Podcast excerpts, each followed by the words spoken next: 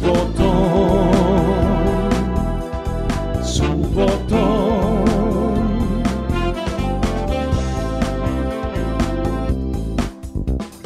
Dobro jutro, dobri ljudi, dobar dan, budite mi dobro, ko što sam i sam. Neka gore mreže, stiže nešto sveže. Subotom,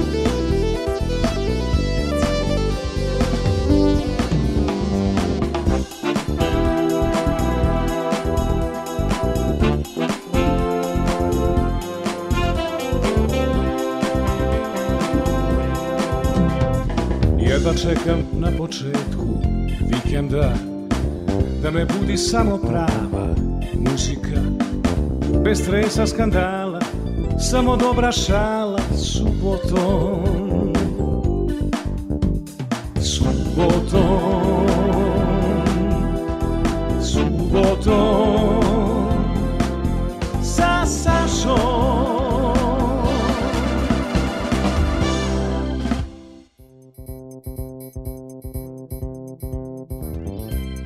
Dobro jutro, dobar dan. E, da znate, poštovane slušateljke i slušalci, kakvo zadovoljstvo imam da je zapravo moj gost kolega, pa mogu bih da kažem jako je teška reč drug prijatelj u ovom našem poslu, ali neko ko mnogo voli radi, jel tako? Jako mu je zanimljiv jedan period karijere kada se bude pisala ovaj knjiga o njegovom životu do putopisa i do Italije, ja ću za taj deo da se javim, da budem recenzent i da budem govornik, jer je to zanimljivo kao neki film, šta je sve radio u tom životu da je bio i novinar i alternativa i sad kad su me nešto gledali na YouTube iz emisija Ritmije šta sam ja radio onim 90. godinama gde sam navlačio pojedine alatke na mikrofon, to je bila revolucija, to, su mi rekli neki psiholozi koji su došli do naših emisija, ali bih ja sad, pošto ima mnogo priče, eh, razgovor bi sveo na ovu jako zanimljivu fazu njegove karijere i sveo bi na njegov sjajan muzički ukus, zato što sam ja, pošto sam jel i muzički urednik ovde kompletan autor, sam se edukovo. Prvo da kažem, moj gost je kolega, drug, ratni drug i prijatelj Blažo Popović. Dobrodošao u subotu sa Sašom, velika mi je čast. Bolje te našao, velika čast i meni, zaista veliko zadovoljstvo. Dobro jutro svim slušalcima ove već kultne emisije. I moram da kažem da sam a, a, sa nezadovoljstvom a, od, a, prihvat, ne sa nezadovoljstvom prihvatio poziv naopako, nego prosto lišio si me mogućnosti da kupujem sir kod Đuzi na Limanskoj pijaci subotom pre podne i koren za pitu koji inače imam ovaj običaj subotom Bravo. pre podne da cunjam po pijaci. E, vidi, znači imaš rešeno pitanje, Đuđa će za, zatvoriti, ali koje je radno vreme kod Đuđi? Pa dobro, stići ću kad završi ovo, da, stići ću. E, ono što moram da kažem za Blažu, da je on pre svega izuzetni hedonista i rekao bih početak moje karijere se sastoji u tome da sam ja počeo sa emisijom Evergreen Odiseje, stavio sam ruku u džep, pa su mene suspendovali posle prve emisije jer sam se ukrutio ko da vodim dnevnik. Onda prepoznajući talenat, ovaj čovek ovde me prigrlio u tim saradnika i nikada neću zaboraviti 90. godine kada smo on i ja kod njega slušali diskove i komentarisali muziku. Da. Sad moram da kažem da me sa svojom playlistom šokirao, pa ja predlažem za početak pošto su tu mladi momci da ih malo edukujemo, tu na i Milan nemi pesnik, najpopularnija Pozdrav grupa Milana. mlada, hit Beograda Radio 202 zvezde Exit, ali si običao duet, rekli smo nešto Filipovića re, repovati tim stvarima. Naravno, tu nam je i Kristijan Loteran, čovjek zadužen za telohranitelj moj pre svega, potom overava preko arhive i brine o meni, jesam stigao na posao i to, da li sam pobrkao playlistu, jel tako? I Daniel Slimak, jel tako, kolega Daniel, e, neću da pitam godište, ali otprilike su sve i mlađi slušalci i mlađa situacija. E, gde ste vi bili, vi verovatno pojedinci nisu bili ni u petogodišnjem planu kad smo mi 90 i neke slušali disk Dušana Prele. Jel šta to beše disk? Šta to da, beše, šta beše kasete? CD, da, šta to beše? Šta to beše da. TDK, fića? TDK. Čuveni, inače, da kažem, pričat će nam i o svojni, svojim vojničkim danima koliko stignemo, ću se fokusirati uglavnom na putopise. Kad bih ja rekao, ti si drugu pesmu odabrao, ali da za početak nešto malo grupa Kim, čini mi se, i ovaj je pomogla aranžerski. Krenuo bi nešto brže s Dušanom Prelevićem, može, što si može. ti zaboravio, ali uvek mi je to asocijacija na tebe. Gino Banana, Halid Bešlić i Dušan Prelević. To samo može u jednoj ličnosti. Da vam kažem još nešto, poštovani poštovane slušateljki i slušalci, nikad mi Nedu nije oprostio.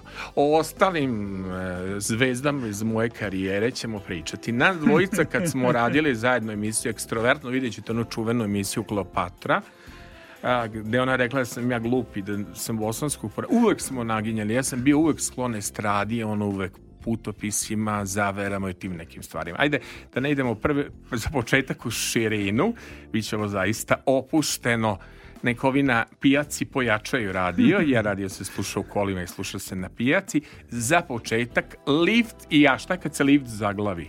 Pa zavisi sa kim se lift, odnosno sa kim si u liftu kad se lift zaglavi. Ej. Ali ove, ako si sa Dušanom Prelevićem u liftu, to nije dobra Slušaj, informacija. Slušaj, ali znaš ti zašto ja zapravo iz razglednica dođoh na NS Plus? Ne? Pa na, uradio sam prilog kako se kvari lift i onda mi je Eto, neko vidiš. rekao od urednika ti sumnjaš u naše liftove. Pa onda rekao i pored super dinara cene kafe skaču, rastu. Kaže ti sumnjaš u super dinar. I tako se ja nađo tebe u carstvu slobode da, da, da radimo tog show i ritmiju i već Evergreen da ste da, sve je bilo. bilo. Da. Dušan Prelević, lift i ja, čujte kako je dobra pesma. Pa onda idemo dalje.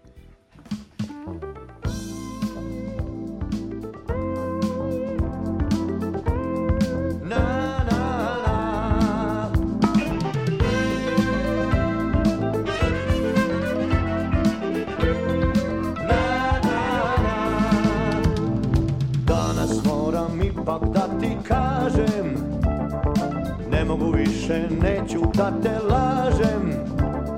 Drugi, treći, penjem se polako. Tražim reći, neće biti lako. Peti strata dlanovi se znoje. Izgubit ćeš ono što je tvoje. Šesti, sedmi cigaretu pali Osjećam se jadno i tako mali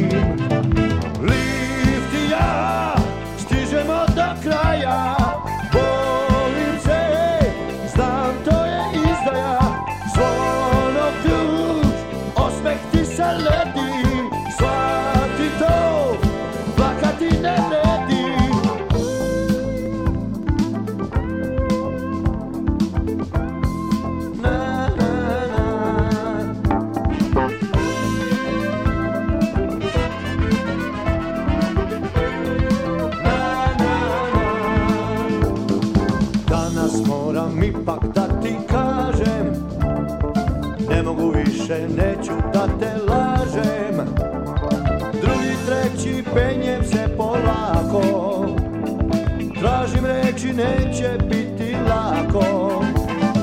Peti sprata dlanovi se znoje. Izgubit ćeš ono što je tvoje. Šesti, sedmi, cigaretu palim. Osjećam se jadno i tako mali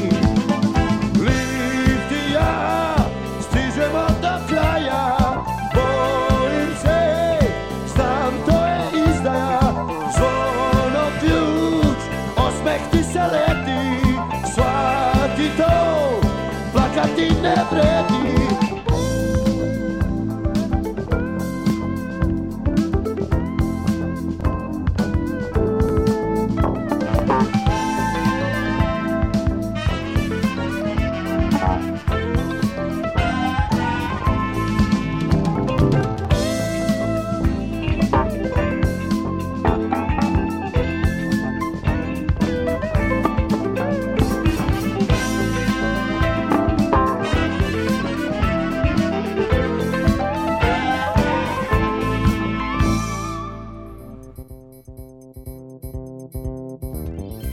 subota sa Sašom Đorđe Čavić da podvučemo zbog Sokoja, to ja vodim, ja pišem, ja pratim i da kažem Kris nam se nešto bio uplašio, si predstavio gosta. Blažo Popović, nema ja šta da predstavljam. Ja dovoljno da stavim jedan mistični story, ima da gori.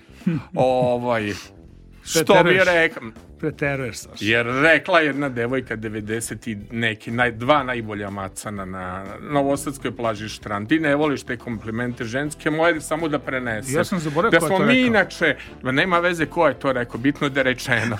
Bitno 90 i kad postoje jedan kanal do pojave Pinka i tih stvari, onda mi smo ono, kako bih ti rekao, urbane legende već Da. grada. No ne, neću da se hvalim, ti, ti si skroman, nećeš da se, tako to tvoje vojničko vaspitanje nalaže hercegovačko poreklo, što bi hercegovci rekli, ne izuvaj se pre vode, jel tako Može kažu? tako, pa Ili može, kakve da. su te prde uhvatile, jel? Ima raznih tih. Ima ovaj, tih da, hercegovačkih ima, ima raznih, izraza. raznih, da. Ali pre svega što u njemu postoji duh profesionalca i jedna devica podznak blizanac, ako se ja dobro Tako je, se- tako je, sve znaš. sećam sa trigonom planeta u Škorpiji, jel to? E, I mislim dve da mi je ili tri. u lavu, pa u sad lavu, nešto, da. fino.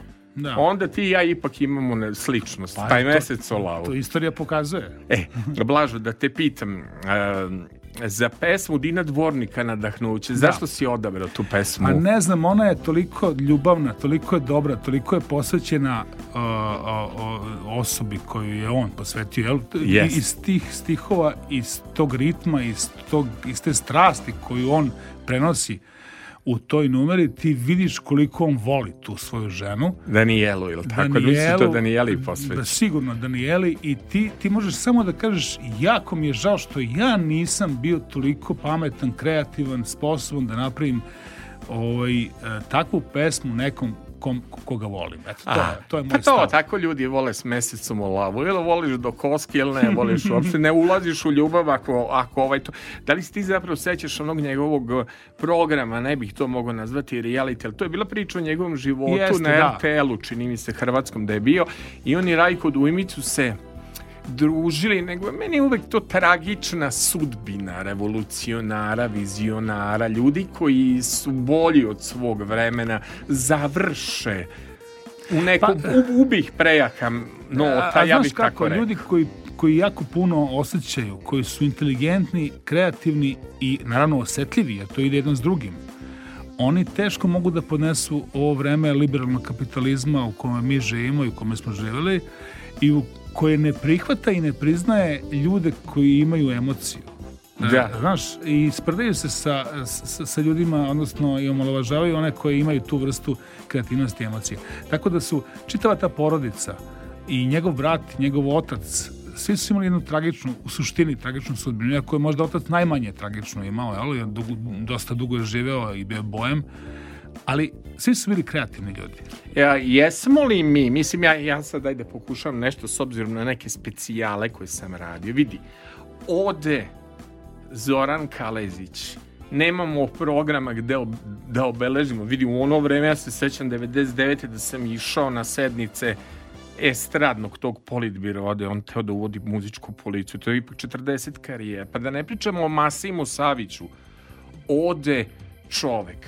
Pa pričamo je o Marini Tucavković. Kako je to jedna tužna sudbina koja se posle reflektovala To na članove porodice To je tačno, i, da. i, i um, tipa kako mi ne umemo da cenimo šta je ta žena sve do sada napisala od rock'n'rolla do tih stvari, nego se Ne. tako novine, portali sprdaju, jer ona uzimala od nekoga, preprodavala pesme. Prvo, toliko je pesama ta žena napisala do sada, to su hiljade i hiljade rock pesama, Hitova. pesme za Olivera Mandića, e, ti budi dovoljno, da vidi, ne mogu da pobrojim. O narodnoj muzici najbolje za Harisa Džinovića ne mogu da pobrojim. Iza mnogih karijera je ona stajala svojim rečima. Dakle, tako sprdati se s jednom jako teškom bolešću i sprdati, mislim, jel to se je, slažeš To je osveta netalentovnih ljudi. Ah. Jer gde je kreativnost, to je i patnja. Jednostavno to ide jedno s drugim. Jer ne možeš ti biti kreativan i biti ravnodušan prema svetu oko sebe, šta ja znam. Prosto ako si kreativan, ako nešto donosiš novo, ti patiš, jer tebi, e, to je onaj, kako kažem, e, bol sveta, to tebe dira. Da. A ovi koji to ne razumeju, onda se oni naravno spredaju s tim. Mislim, to je, to je logično. Osveta netalentovanih i loših đaka. Joj, kad smo već kod te osvete, inače, bio mi je... No, bili smo i kolege neko vreme, pa mi je neko vreme bio i urednik i onda smo zapravo u srećna neka vremena slušali muziku. Peš čuo ovu pesmu, nisi čuo i deo od tog izbora na ovoj playlisti. Ajmo sad, dakle, referens samo strofa Dino Dvornik nadahnuće, svašta imam da ga pitam. E, plašim se da ovih 20 pesama koje smo odabrali već previše. Dakle, idemo samo referens strofa nadahnuće, pa da ga pitam zapravo ovim putopisima, o knjigama, o nekim, da mi da neki savet pre, u 55. godini da čujem od starijeg kolege dobar savet, koristit će vi sigurno nadahnuće dinodvornik. Nemiri, histerija, noći preduge, a dani sneni Često nisam bio svjestan ja Sreće koju donijela si meni yeah, yeah. Vrijeme me promijenilo i malo toga sada me veseli. Sve ono što se desilo nije bilo namjerno. Uvijek sam te volio, oprostit ćeš mi to Znaš li da si moje nadahnuće samo ti Znaš li, znaš li Sve je sve mir od kad sreli smo se mi Od kad sreli smo se mi sa vlažom bi mogli da bude uvek žurka. Tako je to. Inače, fantastičan je kulinar. Sećate se kad nam je bio Saša Vujčić Vujke, pa kad je pričao o tim putopisima, da je njima blažo na tim putovanjima kao majka Tereza, da je brinuo njima, da je i kuvao za njih, da im je organizovao, sve to nam je bila jedna ovaj, jako, jako lepa emisija. Pomenut ćemo potom tvoje saradnike, nego ajde o ovome mm, što je sad najsvežije, u poslednjih godinu dana ti si zapravo uradio tri filma za galeriju Matice Srpske. Jesam, da. da. E, sve su, svi su bili u povodu izlužbi koji su bile zaista velike. Prva je bila prošle godine e, u februaru, mislim, e, zvala se Umetnost migracije i migracije umetnosti i umetnost migracije. I pošto jedna od velikih najvažnijih slika koje su bile izložene bila je Seoba Srba, pa Jovanovića, onda je trebalo da se napravi film u tom povodu i mi smo ga napravili na jedan malo drugačiji način, slika je oživljena, likovi su se pomerali, pa su se transformisali, pošto se malo toga zna o, tom, o toj slici, verovatno da je slika imala više verzija i da patrijarh e, tadašnji nije želeo da se na slici pojave da na slici budu prikazani ovce, narod, nego ratnici, pa je vraćeno pa je Jovanoviću da to ponovo uradi i tako dalje. I onda imamo više verzije te slike, mi smo to sve prikazali. I, ovaj, i sada je to je kod te, kod te slike zanimljivo da je u narodu ostala poznata i popularna ona verzija gde je narod sa ovcama, a ne ona gde su ratnici. Drugi film je bio o Urošu Prediću, o njegovom, o njegovom životu, on je živeo dosta dugo, blizu 100 godina i bilo je teško napraviti priču o o jednom tako velikom značajnom slikaru u jednom tako kratkom vremenu. I treći je film o izložbi koja je upriličena u povodu 175 godina Galerije Matice Srpske, izložbi u kojoj su govorili kustosi i autori izložbe, upravnica, rektor Bečke akademije umetnosti gde je Uroš studirao i tako. Zanimljivo je bilo iskustvo. Mislim da smo napravili dobre proizvode koji su tema je od nacionalnog značaja, pa su i ti filmovi meni vrlo dragi i pokazali su da može da se radi i nešto izvan obične televizijske forme. Ali kaži mi, ono, kad si ti uh, za poslednjih, jel, pet ili šest godine, koliko ćemo to da brojimo, uspeo da napišeš tri knjige? Su to već gotovi rukopisi? To su rukopisi sasvim gotovi. E, dva, jedna je lektorisana i spremna za štampu, druge dve još uvek čekaju tu fazu ovaj, obrade. E, jedna je u Italiji, e, druga je o Belgiji i Holandiji i treća je o Mediteranu. Mm -hmm. ova o Belgiji je izgleda, će prvo ugledati svetlost dana, s obzirom da je sa belgijskom ambasadom napravljen dogovor, oni žele da tu ta knjiga bude njihov prezent, luksuzno izdanje u kome će predgovor napisati uh, ambasadorka nova uh, Belgije u Srbiji koja je stigla u avgustu ove godine, odnosno prošle godine. I ja očekujem da će ta knjiga biti zanimljiva vizualno jer je prepuna fotografija, full color, moje su fotografije koje sam ja snimio u, u, zapravo radi se o Flandriji, a ne o čitavoj Belgiji, jer Belgija je, kao što znaš, podeljena na flandrijski deo, flamanski deo severni i južni valonski deo, ovaj, ali mi smo uglavnom bili u severnom delu. Tako da to je prva knjiga, druga će biti u Italiji, treća o starom Mediteranu koji će uključivati Siciliju, Tunis i još neka, neka mesta. A ko će, sad evo za prvu knjigu smo čuli, a ove druge dve ko će da izda?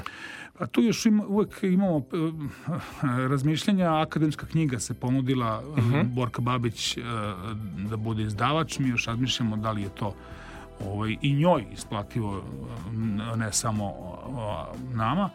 Ovaj, uglavnom, nadamo se da će knjiga imati svoju publiku i verujem da će akademska knjiga biti izdavač, ali sad, mislim, sačekat ćemo da dođe taj moment. Dobro. Interesuje mi sledeća stvar.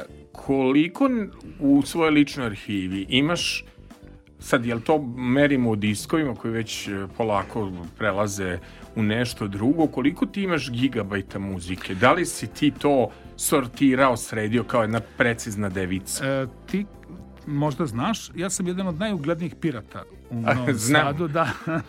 Ali si to radio ono vreme kad su Tijanić je sebe prozvao Robinom Hoodom. Da. Tako da, kako bih rekao, radio si u vreme kad je to bilo jel, i moguće i dozvoljeno. Sad više da. ni nema sajta gde možemo ima, skidati. Ima, ima ruskih, ruskih sajtova. Jako, ima, jako su dobri, da. I ja imam, ja imam sve sortirano prema, znači, ja, ti Ko? znaš da ja volim klasik rock i jazz, to Dobro. je moja muzika ali naravno ne bežim ni od drugih e, vrsta muzike, znači imam ja sve po direktorijuma složeno. Koliko je to u terabajtu? To to je jako puno terabajta, ja više ne znam koliko je i stalno dopunjujem. To je A, da li ti to smiruje živc? Mene da. kolekcionarstvo da. u smislu da imam sve festivale. Inače, da li sam ja, Bože, jednom prilikom rekao, pošto je Eržika Papi, par, par, par koleginica mi je tražila ulicu Jorgovana kao soundtrack. On je moju ličnost jednom opisao, citiram, moram malo da se šalim na svoj način, da sam ja patetičan kao i pesma ulica Jorgovana Darka Domijana. Što meni služi na čast, s obzirom da je to jedna trenutno od naj slušanih pesama, čak u dva filma, jel tako, ovaj, postala, mada lično se meni ta nije se vidjela ličnost. E, pesma, ako hoće ti kažem, moja ličnost ide u kompoziciju Ljubke Dimitrovske koja kaže ta tvoja varka kao ljubav naša, kao ljubav naša, ostade samo šala ili u dva akorda Đorđa Novkovića grupe Proarte. Uopšte Darko Domjan mi nije. Ta pesma mi je već metaforički komplikovana. Uh, ili Možda u mojoj ličnosti ide čeri moja, je li to taj? Jeste, moj, maj konj je taj. I vidi, ide u sledeću numeru. Drugarica, drugarice posadimo cvijeće kuda vojska onoga kreće. Jel me razumeš? Vidi, Sale, ja, ja ne mogu samo da se poistovetim. Ja sam slušao Gilana, Davida Coverdela, razumeš i tu ekipu, tako da nisam taj tip. Ali... Nikad mi ništa nije branio, mislim. Jednom sam samo oko jedne pevačice posporio, ali nije oko one koju najviše volim. Jednom je, a ne bilo je još jednom oko druge one jedne, nema veze. Ali bitno je, samo jedna stvar, da je stvarno postoje duh slobode u smislu kad je on bio generalni direktor i urednik programa meni dugo, da je dozvoljavao moje ludosti. Jesam, da. Stvarno je dozvoljavao moje ludosti, kao što ih sad imam u suboti sa Sašom. Prosto je znao da uvaži ličnost i nije išao e ne može, ne dam ti, ne, mislim prosto si kod njega mogu i krišom da odeš kod nepevačice na koncert, že prijaviš da se otišao na izložbu slika, ti odeš u Sava centar, prosto da držiš šta sad mogu nešto da ti priznam retroaktivno, nego zašto si mi odabrao, pre to ide za moj stil, Ajde, slonjena stakla, još jedna vodka, još jedno pivo, Evo zašto zašto. njih, oni su ti E, evo zašto, to nije moj stil. Ali, želeo sam da pokažem da je e, da je bilo puno hitova u onom vreme u kom sam ja odrastao zajedno s tobom, koji se danas više ne pominju, a koji su tada bili veliki hitovi. Iako ja to nisam ni voljeno slušao, možda u jednom momentu kao, daj, hajde. To je da kao. Duran Duran, jel se sećaš ti Kako ne, kako kako su da oni ne. bili, pa imaju spot u autobusu gradskom, Kako da hit ne. meseca Duca Ne, ali Marković. mislim da je ta pesma uprkos stilskoj različitosti od onog što ja volim, dobra pesma za to vreme i da zaslužuje da se nađe tvoje emisije. Da ti kažem nešto, to je izdala radio televizija Ljubljana, znači Siniši Škarici legendarnom, koga znam i poznajem. Ovaj, e, inače imam muziku za menjažu, samo da ti Može. kažem. Kad sam spremao Bijelo dugme emisiju sa Škaricom i Babogrecem, o, i Vesićem, Dušanom novinarom. Elem, e, ja odem u Croatia Record, kao da se spremam za Bijelo dugme. I pitam ja direktora, izvinite, li mogu ja ovaj, da USB. uzmem malo. I doneo sam jedan, ne veliki, mislim, jedan hard disk, malo veći, mislim. Kaže, direktor, uzmi Agovo blago. Tako da imam sve digitalno. Međutim, slomljena stakla nisu mogla tad da prođu ni kod strogog Siniše Škarica. Čak ni Ekaterina Velika nije prošla, što Siniša otvoreno priča, jer je on čovek institucije poznavati takve ljude, jel? Poznavati ljude kao što su Škarica ili kao što je bio Igor Mandić ili e, sam mogućnost tvog posla, evo, Blaže je razgovarao s Dragom Linarcem, nismo svi samo razgovarali s Kleopatrom. Hoću da kažem, ali naš um je imao ludost da je kod nas bilo otvoreno mesto i za Rušku Jakić, i za Vanju Bulića, i za teoretičare zavere, i za narodne pevačice. Sećamo se jedne samo emisije naše kad ni jedna pevačica nije htela da ovaj dođe iz PGP-a kako smo mi nešto bili udarili po narodnoj muzici. Neću sve da vam pričam iz naših života. Idemo na slomljena sla, Može, može. stakla, ne sta, lapsusu, slomljena stakla, još jedna vodka, još jedno pivo, samo referenc strofa, pa onda idemo dalje na putopise. Želimo i Italiji nešto blažu da pitam. Dakle, ostanite uz nas Radio Novi Sad, www.rtv.rs, slomljena stakla, još jedna vodka, još jedno pivo.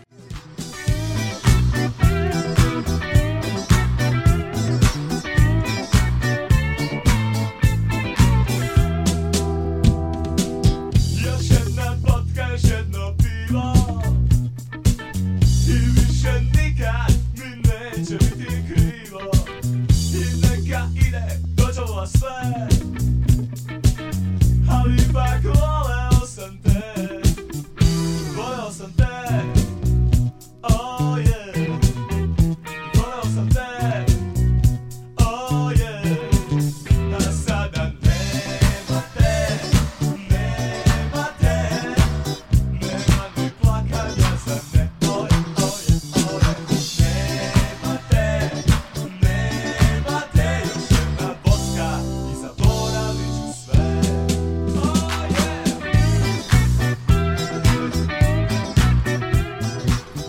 strog, strog urednik Blažo Popović pitao ćeš kako ćemo stići sve da kaže, ne brini Blažo, nego ajde, da pomenemo samo i saradnike. Ko bi mi možda Saša Vujčić mi je već bio gost? Ko bi mi bio dobi tvog tima saradnik dobar gost? Peđa, Peđa Noković, fantastičan gost. Jel bi znao šlagere, ja ga samo znam kao Ne, rockera. ne bi znao šlagere. A ne, znao bi on šlagere. Kad je bi- jako lepo montira emisiju. O, jako dobar, jako dobar montažer i ne samo što je dobar montažer, nego me i ispravlja u par navrata. Jednom sam e, napravio grešku, e, suštinsku grešku oko nekih engleskih kraljica, ali to je bilo recimo u 800, toj, u, u, odnosno u 9. veku, u 8. veku, ne znam nija kad. I on kaže, ja mislim da si ti nešto pogrešio. Ja kažem, Peđe, nema šanse da ja pogrešim. Ja sam devica u horoskopu, ja nikad ne grešim. Aj kaže, pogledaj. Međutim, ispostavilo se da sam pogrešio u imenima nekih kraljica i ja, ja, ja mu se zahvaljujem ovaj, i, i zbog toga, ali inače i zbog izuzetnog ovaj, posla koji je radio u montažama. Da li ti znaš da te ličnosti su rođene preligivane? Marilyn Monroe, Aleksandar Filipović i Peđa Novković. A ja sam svi rođeni 1. Pa juna. onda ste vi bliski, šta? Pa ja, meni je to jasno. Ajde, probat ću ja Peđu da ubedim da bude neki Bez soft problema, rock. bez problema. La- Može on to. Mora da to. Potom e, S- Sale nam je bio. Vujke oči moje, kako sam ga zvao, jedan Da, gospodin čovek Mirko Todorović, bi njega mogli za muziku Možeš, da ube. On odličan je on, da. svi kažu da fantastično kuvaš, mogla bi biti knjiga anegdota, da si brinuo o njima. Jesam, svim ja sam, ja sam inače, e, to- su bila e, t- tri sezone putovanja po jedno desetak, dvadeset hiljada kilometara u svakoj godini. E, ovaj, na primer, ja sam vozio, kuvao, e, spremao, mislim, sve sam radio. Oni su samo ne samo, oni su snimali, ja sam brinuo o njima, gde će da jedu, šta ćemo da radimo, šta hoće da jedu, šta da im kupim, šta da kuvam. Svako večer sam kuvao ljudima, mislim, bili su zadovoljni hranom. Ja, jako su te hvalili, dođi čoveku da s tobom ide na ekskurziju, Đuro Skenđić i Bojan Perkučin, jel tako? Bojan, još, Bojan je Boki, odličan. Bojan koji je odličan. sada, moram da kažem da Bojan je sada e, član benda Tribute ABBA benda, A, jele? koji veliku slavu u regionu već imaju i po Italiji i inostranstvu imaju strašno puno zakazanih koncerata u regionu i u Evropi Dobro. i on je idealan gost. U, bok, a, da ne pričamo kakav je montažer i kakav Da. je čovek isto tak. I znaš zapravo, mada je kratko trajao kao urednik tri meseca, ali kad mi je Peđa Nauković bio urednik zabavnog programa, tu nikad nikakvih problema. Tako je tolerisao moju šlagersku dušu. Pa Iako fini smo- ljudi, vidiš. Da ti objasnim nešto. Iako smo, što bi Tomas Draković rekao, dva sveta različita. Međutim, sad vlažo da te kažem, ja sam imao priliku tako su ti nekako sugestivne priče, kad ti to pričaš o svojim vojničkim danima, gde si služio vojsku u jednom delu bivše zemlje, pa da si služio u drugom, pa koja si kola vozio, pa to je tako bilo sugestivno. I međutim, sad jednim izborom pesme, ja uvek kada idem, mi krenemo iz, iz, iz Makarske, iz Dalmacije, pa će vapis u Bugojnu, a Yes. onda prolazimo kroz ta polja. Glamočku, tu je negde i blizu. Da, to, da, dakle, da. ima puno naših producenata, kako se zove ono, ono mesto, Filip i uh, Šipova, razumem, Šipova, nikad da. to nisam mogao, Šipova. ali postoji to glamočko polje.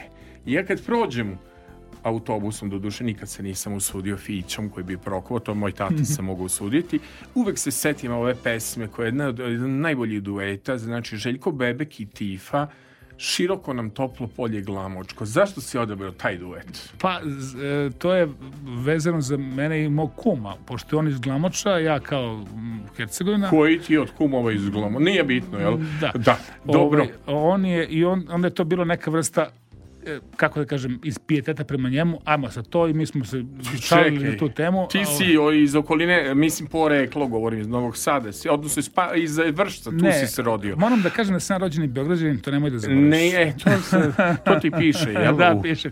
Jeste, ja sam iz Vršca došao u Ali Novi Sad. si ro, se rodio u Beogradu. Rodio se, a to je, Dobro. to je slučaj, Ali slučajem po, poreklo je neko iz okoline Gacka, koja E, Da. Hercegovina, istočna Hercegovina, tu su, su moji poreklom i tako dalje. Naravno, otac je mm, u Beogradu živeo, je majka u Novoj Pazovi, ali staro poreklo, porodično je iz Hercegovine. A on je iz Glamoča, dakle, to Odakle? je komovska Ko je to? peza. A, kakvi su ti iz Glamoča ljudi? Jako su dobri, Stvarno? odlični ljudi. Ali jel, jel znaš kakva je priroda, kako tu vetrovi duvaju? Sve znam, ali Kad to rađe kreneš dobri na ljudi. more, mi smo išli na jednu infoturu u maju je bio sneg na glamoču. Da, dakle, da, ajde da. da. čujete ovu fantastičnu pesmu, jedan hit mesec je bio kad su se pojavili Željko Bebek i Tiva, pa kaže, široko nam toplo polje, glamočko, kunem ti se dušom, svim na svijetu ostaviti te neću. Kao grupa na kamena na kamen, dakle udaraju taj jedan etno ritam. Refren strofar, moram sad Blažu ono za Italiju da pitam, dakle samo refren strofa, pa nastavljamo dalje. Gost Blažo Popović.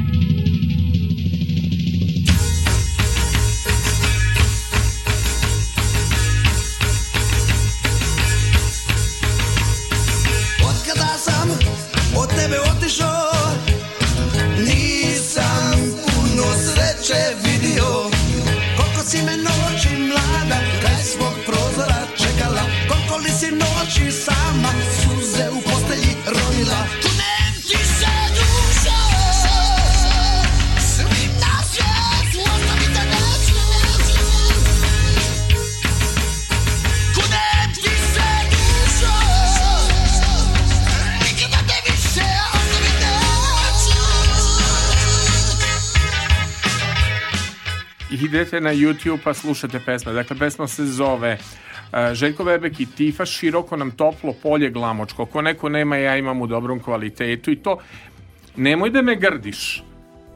Iako si mi bio i urednik i direktor i ne znam nije šta. Su tebe učili na radio stanicama? Na kojim si radio radio stanicama? Jer se vokal gazi ili se vokal ne gazi?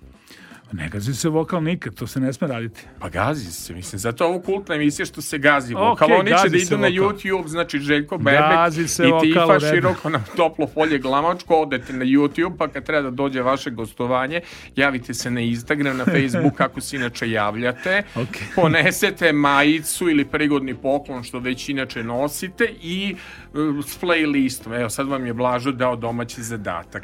Sledeće će biti Ljuba Jasim Karavan, ali pre te pesme da pitam, kako si se osjećao doba COVID-a? Dakle, gledaš one sve divne gradove u Italiji u kome si bio i gledaš ljudi zatvoreni. I kako si se osjećao u toj jednoj situaciji kad smo bili za, zatvoreni, osuđeni da gledamo televiziju i da gledamo te najlepše gradove koji su tako bili zaključeni. Meni se ništa nije promenilo u vreme covida, jer sam i godinu dana ili dve pre toga isto sedeo kod kuće i pisao tekstove i, i radio montažu. Dakle, ni, nije mi se tu promenilo ništa u covidu. Ali, imao sam tu sreću da sam tri puta putovao. Prvi put kada sam stvarno putovao, drugi put kada sam pisao tekstove o tome što sam putovao, gde sam putovao i treći put kad sam gledao emisije. Odnosno, mentalno si putovao. To Mentalno, kažem, nije te da. producent, kako bih rekao, Ne, ne, ne, ne. za nagradu Nije, tri ne, nije. puta poslat. Ne, ne, nije, nije, nije. Što, što, I meni je i danas lako. Ja samo sednem, izvadim svoj hard disk, pustim neku emisiju i opet otputujem. I biram gde ću sada. Aha, da li hoću u Belgiju, da li hoću recimo u Umbriju ili ću na obalu nekog mora italijanskog ili gde god hoću. Šta me briga? Putujem kad god hoću. Dobro, gde si radio, na kojim radio stanicama, pa si naučio pravilo da se ne gazi vokal? Ja sam radio na radio Dunavu i na, na In radiju. Dobro, To je smeo gaziti vokal? Nije se smeo, Saša. Ja sad, ali ja prihvatam novo vreme, ok. I mlade ljude kao što si ti. Dobro, ali moram da ti kažem, niko ne gazi vokal od ovih voditelja, tako da mogu budem jedan jedini. Sve u redu, ja to- Ovaj. I sad dolazimo... Uh, uh, s vremena na vreme put putuje karavan. Prvo uzmite tu verziju, jer Ljuba i Jasim su to posle ovaj, dosnimili. Nikad nije dobro za pesmu kad se dosnimi. Jel Nije, ne voliš? Ne, ne volim. Volim originale. Jel? Ali ga. čini da je lepo se Čolić ovo obradio, ove južnjake, neke pesme koje nisu bile, rodi me majko srećnog, neke ove pesme s, s novosadskim big bandom. Meni se to sad sviđa što se setio nekih pesama koje se nisu činile da su dobre, toliko ima dobrih pesama. S vremena na vreme, ajde, uzeli smo verziju iz 1978. put putuje Karavan, imao si tada 13 godina. Reci mi šta si radio sa 13 godina, si se setio ove pesme? Pa vidi, to je, to, to je vreme u kome sam slušao intenzivno, znači hard rock, a Deep Purple, ok, ali sam, kao što znaš, otvoren bio i za druge. Tad su se pojavili Čorba, Azra, mo- možda malo kasnije, Atomsko sklonište, Smak, šta znam, sve tebe. I odjednom se pojavi pesma Put putuje kravan, što je bilo potpuno drugačije od svega što sam slušao tada. I ne samo da je bilo drugačije, nego je bilo strašno zavodljivo. A u to vreme sam čitao Karla Maja kroz balkanske gudure. Ima neka njegova trilogija ili tako nešto. I onda mi je bilo logično, ta pesma me podsjetila na Karla Maja i na njegov, njegov roman kroz balkanske gudure. I kako da ne stavim na listu? Naravno da ću staviti na listu. Toliko me gleda popreko što pričam kroz muzike, ali moram da kažem, tako je zanimljiva biografija, toliko ima pitanja, toliko ima pesama, dakle, momci, broj, odnosno broj pet, izvinjavam se, ima dve petice sam vam stavio, s vremena na vreme, put putuje karavan, pa ćemo videti u kojoj zemlji on zapravo video Kamilu i da li je video karavanu uopšte negde u tim njegovim putopisima s Mediteranea, mislim da morao Kamilu negde da vidi. Ali ajde da prvo pustimo referens strofa da bi ga pitali za karavan, jel? Kako je najavio za ovu treću knjigu, mora je biti, bar ja koji sam nešto prošao Mediterana, znam da je morao negde videti Kamilu i karavan. Referens strofa, pa idemo dalje.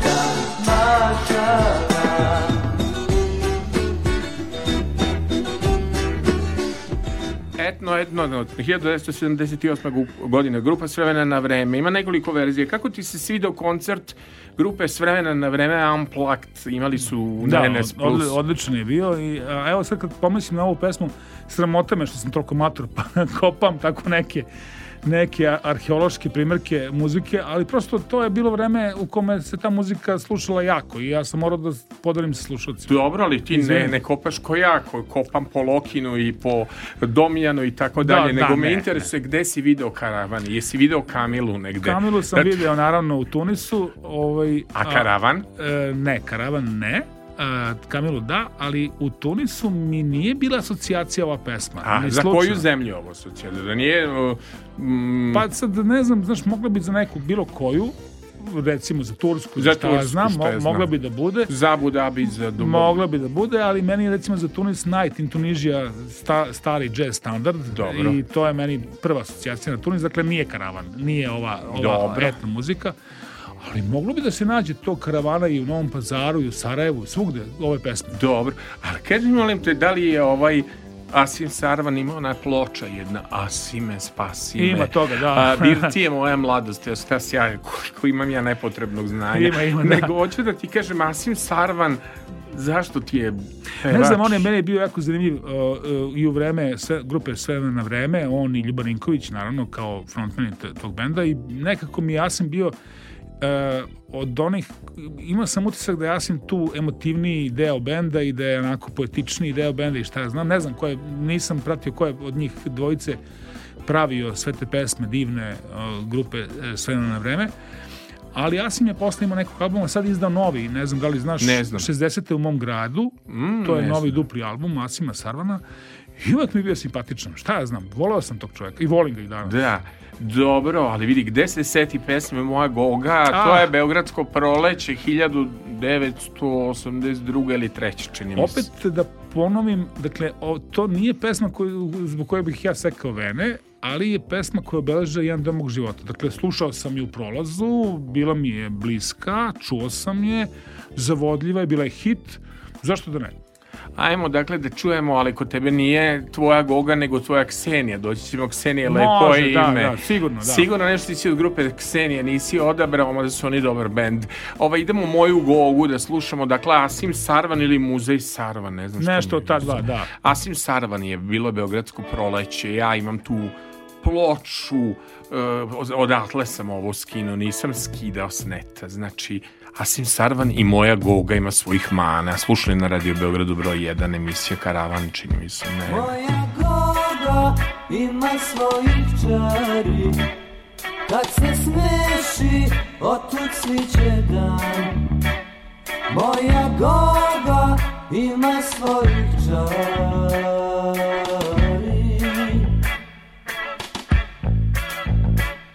Moja goga Ima tople ruke i u njima moja ljubavi. Moja goga ima svojih čari.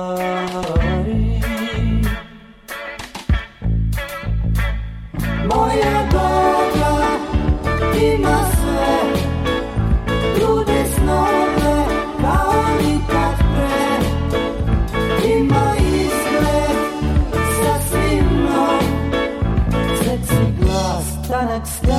color freeze Malo šizma ima sve.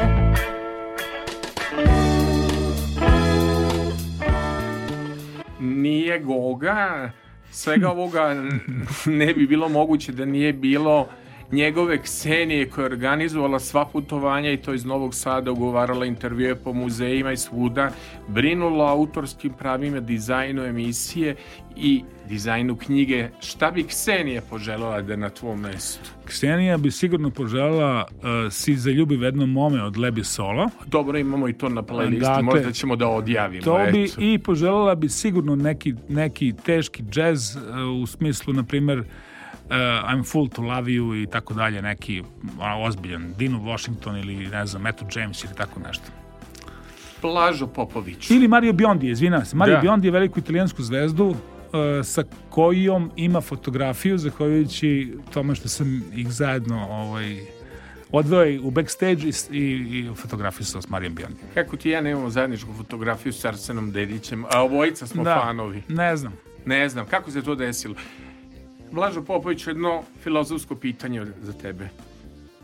Daj mi kaži odakle te znam. Vidi ovako, to je jedna teška, te, kič, da ne kažem trash pesma. Ali tako podsjećana, u to vreme je recimo onaj bio isto nesrećni Leo Sayer, ne znam da li ga se seća. Ne sećam se. Kako Leo Sayer? Uh, ko je to? Šta je on imao tih hitova? Odvratno. U najgore maniru Ali vidi, ja, ja, ja popa. samo znam sa ko, kompilacije, nikad nisam njih video na televiziji. Si ih ti gledao? Nemam pojma ko su oni, ali ta pesma je to vreme bila aktuelna i ja se setih, rekao da ti stavim tu, možda ćeš...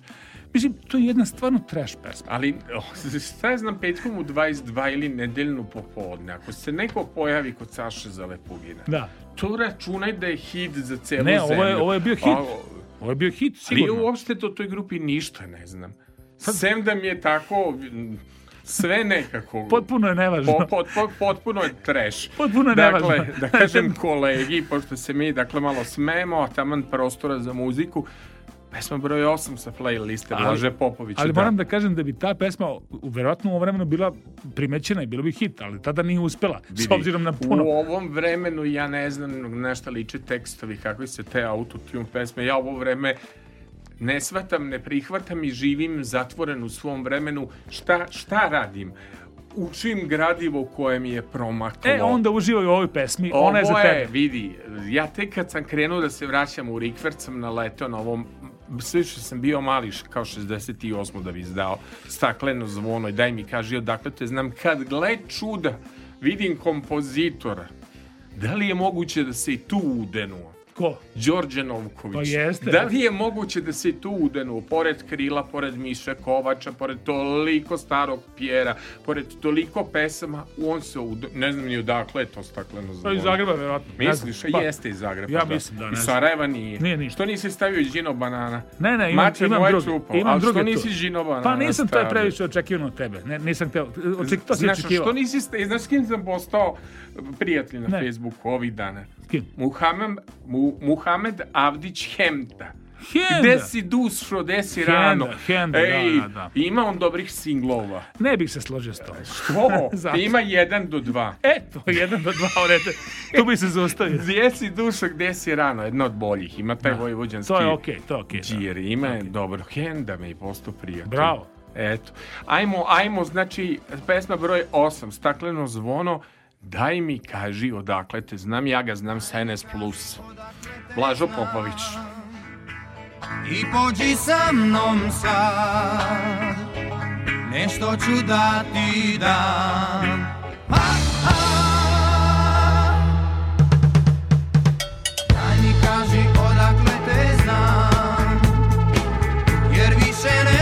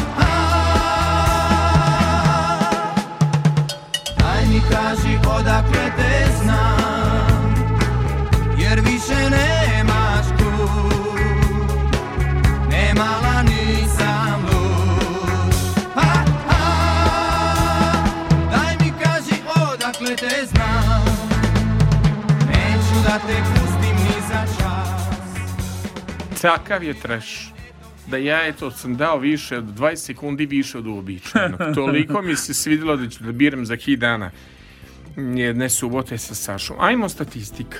Koliko si do sada uradio putopisnih emisija? Preko 200 208. 208 recimo. Plus sam još uradio jako puno tih gastronomskih e, ovaj, nekih. E, trebalo bi da počne se emituje na RTV-u i serijal e, Dnevnik gladnog putnika koji sam radio sa kolegom Vladom Pavlovim Dusom, koji je nekada radio na RTV-u, na televiziji Novi Sad, trećem programu, u vreme Duce Bogdanovića, šta ja znam. Ja da znam. E, to je e, emisija koja je u prvom delu ima jedan putopisni prikaz, to je moj, i onda vlada priča sa gostima uz, uz kuvara, gde kuvaju jelo iz tog kraja, iz tog grada. E, Znači, preko 200 emisija putopisnih, još, još, još nekih e, malih formi, kratkih putopisnih sam radio, to ti nisam stavio u, ovu tu biografiju, ali da znaš. Bio si i u zvaničnoj delegaciji nama Bratskog grada, ili tako Modene. Zapravo nisam bio u zvaničnoj delegaciji, to je bio šok za nas. Mi smo stigli, mi smo stigli, mi smo stigli u Modenu i onda smo tražili da nas prime samo da snimimo gradsku kuću i da s nekim popričamo o, o, o gradu Modeni i oni su ljudi nas primili, ja ulazim u salu svečanu sa snimateljima i oni sede za drugi, za sto ogroman onaj konferencijski, čitava delegacija s jedne strane stola, mi s druge strane stola. I ja kažem, izvinite, vi ste nešto pogrešno razumeli, mi nismo zvanična delegacija grada, mi smo ekipa koja snima Modenu. A oni kažu, ne, ne, mi znamo da vi niste zvanična delegacija, ali, pošto ste vi bratski grad, mi smo vam upriličili ovakav prijem i ovde je zamenik gradonačelnika, jer gradonačelnik je bio odsutan, ne znam, ova, za PR, za ovo, za ovo, i tako da je. Tako da smo doživili veliku čast. Dobro. Ovaj, a kaži mi mnogo i anegdot. Jako puno. Ti si prošao desetine hiljada kilometara, ali kako, kako si vozio u pogrešnom smeru? Ko je slagao naviga? Kako se čovjek se nalazi na tim putovanjima? Pa, da- pomaže Google Map, ali pomaže navigacija, jel mora da bude klasična karta? Moram da kažem da nisam imao navigaciju ovaj, u tokom dve sezone putovanja, znači kroz Italiju ni jednom nisam imao navigaciju, ništa mi nije radilo navigaciju, apsolutno ne. I to je bilo strašno, recimo, to, to, to je, poželao sam da, da, da se obesim kada, recimo, trebali iz Peruđe izaći, ući u Peruđu izaći, to je grad na brd, mislim, užas jedan. U Rimu nisam imao navigaciju, nego sam stani, kartu čita i sa jaka pita i kako već ide, ali, nažalost, Rimljani ne znaju engleski, onda to je tako konfuzno. Drito, sinistra, destra, rotonda, sinistra, tri, terca, strada, mislim, kako da kažem. Krenuo si u Italiju, ja nisi malo jezik. Ne liči na i- tebe da si... Pa, ja sam računao na svoju urođenu snalažljivost e, i onda smo, ja znam dosta reči, ali ne mogu da ih spojim u suvislu rečenicu i onda ja tako pričam i oni razumiju šta ja hoću da ih pitam, pa onda se nekako snađemo, jel? A kako si se našao na pijaci? Mi se parkiramo, evo jako zanimljivo, mislim zanimljiva sad možda e, pa, nađemo parking ispred zgrade u Rimu gde smo smešteni, ja se parkiram, veliki parking ispred zgrade, naravno, sve okej. Uđemo unutra, tu nas dočeka agent koji izdaje tu taj apartman i kaže, jeste našli parking? Jesmo, dobro, super, gde ste našli ispred? Odlično. I mi ustajemo ujutru, krećemo na snimanje, ja dolazim, nema parkinga. Umesto parkinga je, su tezge i pijaca. Naravno, prebledim, trčim po, po pijaci, tražim kola, nađem auto skroz stešnjen između dve tezge i kazna za parkiranje. Ovaj, jedini auto koga nisu odneli ovi karabinjeri je bio naš jer je bio, naravno i- imao je strane tablice pa nisu odneli. Tako da, jer četvrtkom na tom parkingu je pijaca. Au. A to je bio pa četvrtak. Kad ti misli vrludaju inače? Kad Pa- si odabrao aerodrom? Misli su mi, misli mi stalno vrludaju, kao i tebi, a aerodrom mi je bio zanimljiv jer je to bilo vreme odrastanja i to je bilo tako slatko zavodljivo sedeti u kafiću, piti Coca-Cola i ne raditi ništa, nego posmatrati devojke koje prolaze i svet oko sebe. aerodrom, kad mu kad mi misli vrlo ludo i on je mislio inače u prvi sat vremena da mi nećemo stići boga mi od moje planirane playliste pola smo stigli aerodrom brzo mi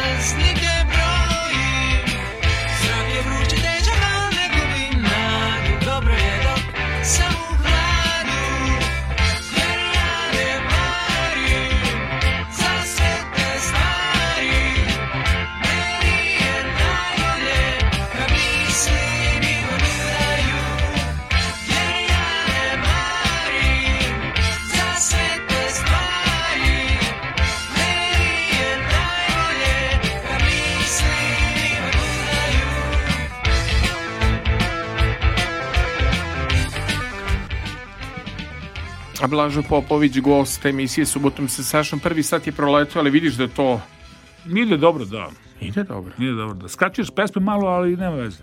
Ne mogu da ti pustim cele pesme, ne mogu da ti vidi, ima YouTube, naučit će Okej, deca, okej, ponovit ćemo, ponovit ćemo kako se pesme zovu.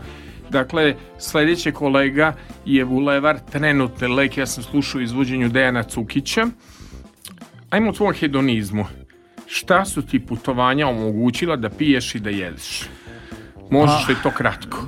omogućila su mi da naučim šta je italijanska kuhinja i koliko je ona zapravo različita od severa do juga, od štrudli na severu e, do, do inćuna na jugu, dakle jedna disperzivna kuhinja, e, ali sve zajedno karakteriše jedno, znači jedna štedljivost, e, oni imaju izreku skuvaj jednom, jedi tri dana. Dakle, skuvaju nešto i onda to što su skuvali koriste tri dana u različitim jelima. Dakle, to sam naučio.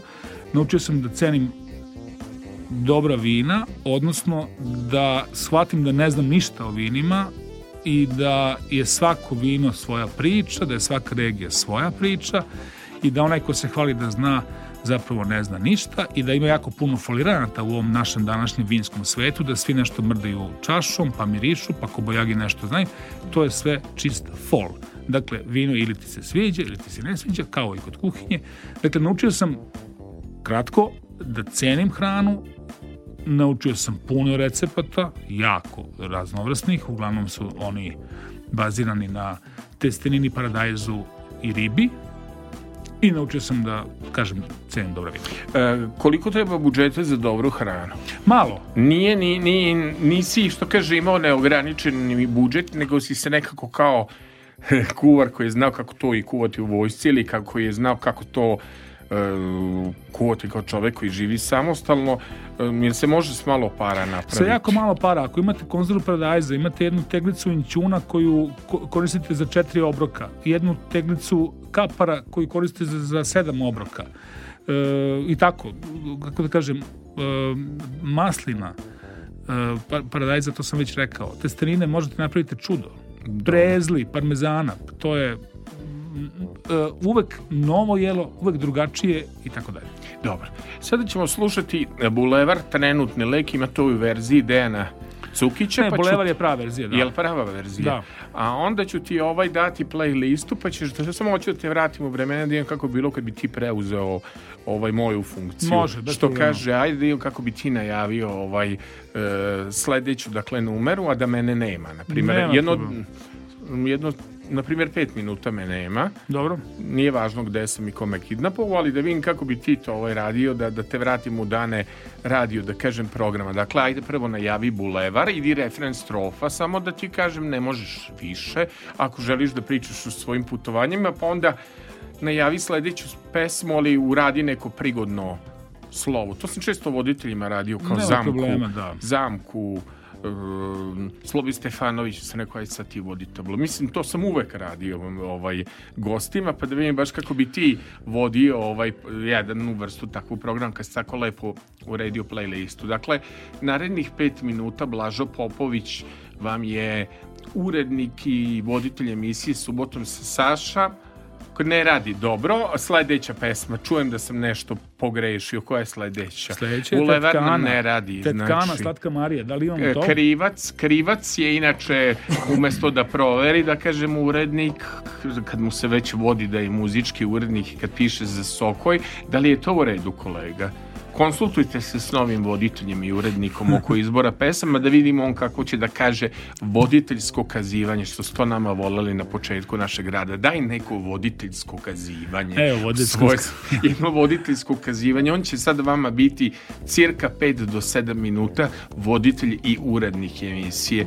Voditelj i urednik pravi emisije ima nešto da, da uradi, da overi preko arhive, iako je subota. Može i subotom da se overi preko arhive, Sve ako može, nisi da. znao. Evo, sad će vas Blažo malo pokazati kako bi to on radio kada bi on bio na mom mestu. Šta bi dao da si na mom mjestu? Da. Kaže Duško Trifunović, sa kojim sam se i, si se družio i družili smo se i bio je tvoj gost. Evo Blažo malo će da komunicira s ekipom, baš im kako mu ide. Hvala Saša, Blažo neću, Popović. neću vas dugo uh, maltretirati, poštovani slušalci, ipak je prepodne vreme za a, jeste za radio, ali i za druge aktivnosti, pijacu, kuvanje i ostalo. Ali da vas vratim samo u 79. godinu u koja je bila dosta bogata muzičkom produkcijom, čak i, ja mislim, Zrenjanin uh, imao uh, jedan band koji je uh, imao čije, pe, čije su pesme imale ono, globalnu jugoslovensku popularnost. Jedna od njih je i Slatka Marija i grupa je Tetkana. Uh, oni nisu baš one hit wonder, što bi se reklo, imali su dva hita, Jukebox Mama i Slatka Marija, ovog puta Slatka Marija, posle toga su nestali, ali je ova pesma ostala.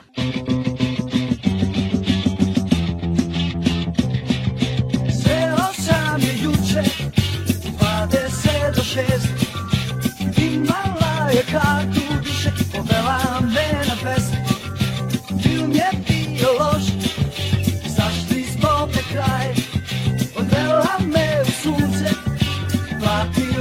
platila mi čaj Uh, uh, slatka Marija, uh, uh, slatka me Uh,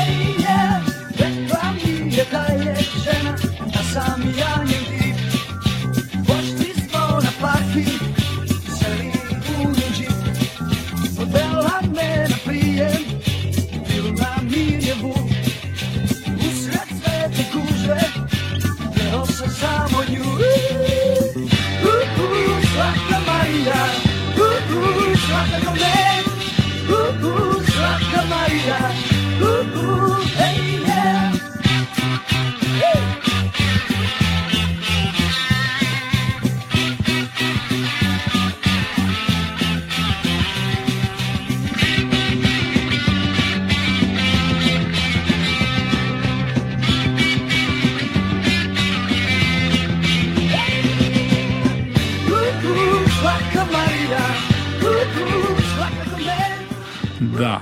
grupa Tetkana i pesma Slatka Marija, 1979. godina, veliki hit. E, nažalost, posle toga ova grupa nije puno toga pružila, ali nam je ostala slatke, ostavila slatke uspomene. E sad, negde baš tih godina, e, u vreme kada se još uvek išlo u, u vojsku, tadašnju jugoslovensku narodnu armiju, volim, volim da kažem staru, staru jugoslovensku vojsku, e, odlazilo se ne tako pompezno, ali sa jednom, kako da kažem, nelagodom. Niko nije volao da ide u vojsku. I onda je jedan band beogradski koji se zvao Veliko srce i e, onda sam tvrdo srce i veliki uši napravili su pesmu kao omaž svim onim e, regrutima koji su e, morali da odu vojsku i ta pesma se zvala Kaže ovom bati pa pa. E sad, naravno da je ta pesma bila vezana i za ono što sam i ja prošao, kao i Saša, kao i mnoge naše generacije i zašto se nadam da neće niko više nikada proći i da će vojska ostati samo jedna stara uspomena. Dakle, tvrdo srce i velike uši. Kaže ovom bati pa pa.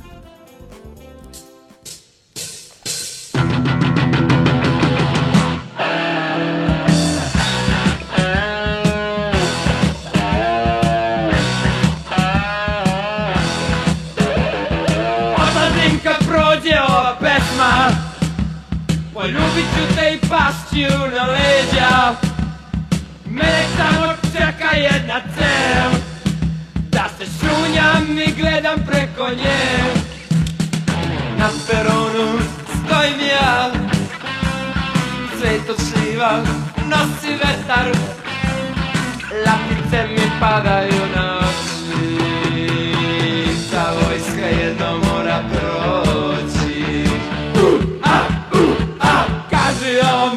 bati papa Ode on jedno a, la la la Kaže on bati papa Ode on jedno a, nego šta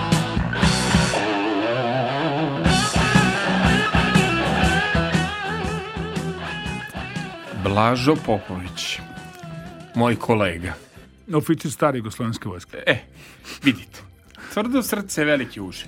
Kaži ovom bati papa, Za, za šta si, aj sad protrčimo tvoju playlistu. Ode ono za šta JNA, si- ode ono JNA, razumeš? Dobro. Dakle, to je pesma posvećena mom odlasku u Vojnu akademiju, u koju niko nije verovao osim mene, a ja sam vrlo brzo prestao da verujem da je to dobra ideja, ali sam završio Vojnu akademiju. Jer e, moja mama u pravu da te zna kao i trgovačkog putnika. Bio sam Gde posle se toga, dolazi, kad sam se vratio, kad sam se vratio, kad sam napustio vojsku 91. godine, ovaj, radio sam u Slavonskom brodu, već je rat bio na pomolu i napadali su me dva puta, čak sam svoju slavu počeo time što sam izašao u Revi 92, kao U Revi 92. poručnika Popovića napala grupa huligana ovaj, ustaških, nije ni bitno.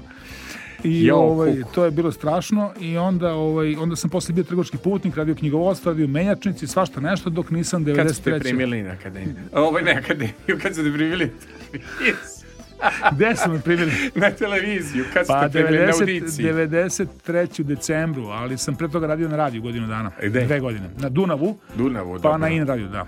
Dalje, kad e, playlista U grupa Autobus za raj identitet, šta Pa to, to, su dve znači? pesme. Znači, ili autobus draj ili identitet. Ne znam šta si, šta si pripremio. E, nije bitno, nego sad objašnjavamo A pesmu. obe su pesme mladalački san da postoji negde bolji život. Nažalost, danas, evo sada sa 58 godina, nisam još do- dohvatio 58, ali sam zagazio u 58 i dalje mislim da je autobus za raj negde postoji, da me čeka i da će me odvesti u neki bolji svet, u neku bolju budućnost.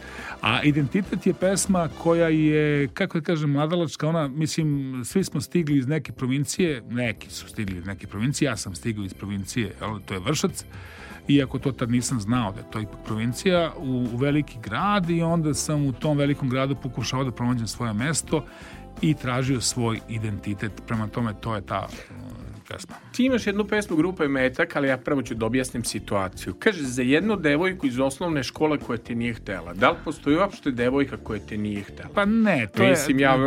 To sam napisao ovako, mislim da, da ti kažem nešto, Saša. To, to su bile smešne godine, naravno dečačke onako, pa ste ja osmi razred. Ona nije ni znala da ja postojim, ona je bila u drugoj zgradi. To je bilo kao da je bila drugom, u drugom gradu u to vreme. I onda ja sam tako, šta ja znam u, tom, u, u, u tim godinama kada ne znaš ni kako da priđeš devojci, šta da radiš, onda sam ja našao pesmu gde sam našao opravdanje za svoju neaktivnost, a to je njena mama, kao. Dobro, i vidi, postoji još jedna pesma koja je pomalo antologijska, ja kažem kolega, pripremite, sad skačemo kao loptica, skočica po playlisti, proverite sa mnom da li je sve ok, da li je urednik to proverio formate da se ne desi, ali kad imate ovakvog gosta koji može da preuzme mikrofon, sve možete da kiksnete i da pravite lapsuse, nema veze, gost će da, da vas izvuče. Srđan Marjanović pesma. Pesma je popularno rečena Drakstor, ali više ima jednu drugu životnu filozofiju. Pa ne, uvek je u tim godinama kada, kada mlad dečko, jel, tinejdžer, 15, 16, 17 godina mašta o tome da ima neku devojku ili nešto, jel? I onda uh, uđete u drugstore i vidite devojku koja je za kasom i onda čujete pesmu Srđana Marjanovića koji upravo peva o tome, a možda ima iste probleme, iako je stariji od vas, ta 10 godina već. I da kaže, dobro, da li je moguće da se na tom jednom mestu, da tom kasom stvori neka i- idila ljubavna, pa da to bude kao nešto, da cveta ljubav, da to procveta, da bude ludilo. I onda tako nastane pesma. I onda kao, zašto da ne ta pesma, ajde. Ali, znaš šta neka generacija to koja sluša, koje, koji su roditelji umeli da puste pesme, da ukažu, eto, generacija neka i tvog sina Vuka. Uvek meni kažu vi. Da. E, To je divno kad osjetiš poštovanje neke de- dece kao radio si na televiziji. Pa dobro, vi kažu ti ste- vi, zato što si već imaš E, pristojnih godina, pa ja da. ti- ko čemu ti o š, š, e, Šabanu Šauliću i Let ti dođi da ostarimo zajedno. Pa vidi, nećemo da starimo zajedno. Ne Mladolike kažem, ne smo. kažem, ne Mi smo kažem. jedno drugom govorili vi, jel? Da. Jel to romantično kad se na početku neke komunikacije govori vi? Pa da, to jeste i to je odraz i poštovanja i straha u isto vreme. Neka, kad ti kaže vi m- ne znam, u tim godinama verovatno nije ni sigurno u sebe i tako dalje. Ali poštovanje pre svega, da. Vidi, moji hejteri, mrzitelji su kad su me anonimno pljuvali po Twitteru i ostalo su go... Vidi, uvijek me neko anonimno pljuva. Dobro.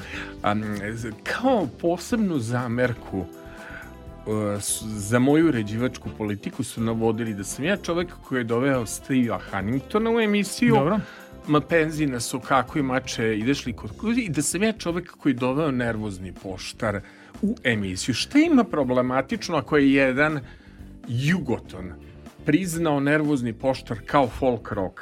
Šta ima u tome sporno što sam ja dove nervozni poštar? Nervozni poštar takav treš Ne, ne, da ne, mene ne, ne, ne. Oni koji- hejteri po Twitteru Ne. prozivaju za nervozni poštar. Ja, ja mislim da je to licemerje klasično. Dobro. Dakle, ako neko stvarno želi da razume nervnog poštara, može samo treba da uključi mozak. Dobro. Ništa mu drugo ne treba.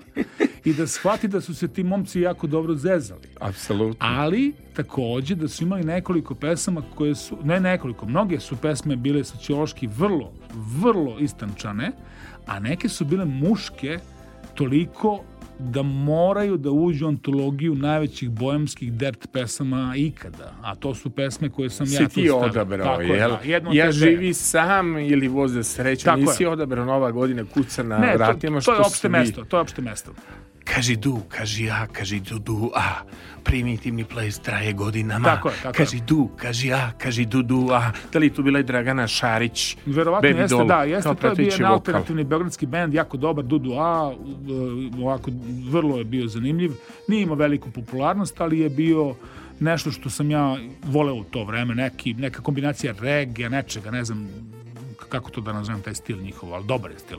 Ne, neću ti pustiti Slađanu Milošić, imam svojih razloga, Okej, nešto ne smo moraš. se pokačili, ali koju pesmu voliš po meni? Moj brat po pesmi, zašto a, a to? Zato što mi je to bila lepa pesma, jer smo u to vreme, to sam i tu ti rekao, mi smo to vreme tražili identitete, znači nekad se izlazilo na tvrđavu, Dobro. e, ili u Piping. I Mhm. mi smo se delili po tome. Znači, ko sluša hard rock ide u Piping, a ko sluša disco muziku ide na tvrđavu. I to je kraj.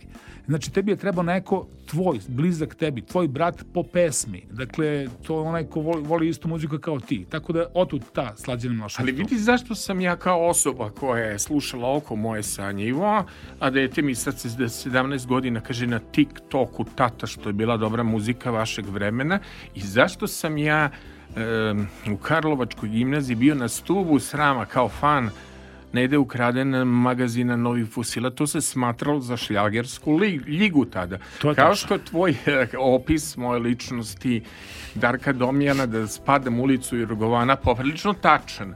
Zaista sam toliko patetičan da od toga može da se sloši. A dobro, a u to vreme, u to vreme, u, to je bilo okrutno vreme odrastanja. Ti moraš da shvatiš da ljudi nisu prihvatali ideju da neko može da sluša ne da. Znaš, kako ti kažem, to nije bilo.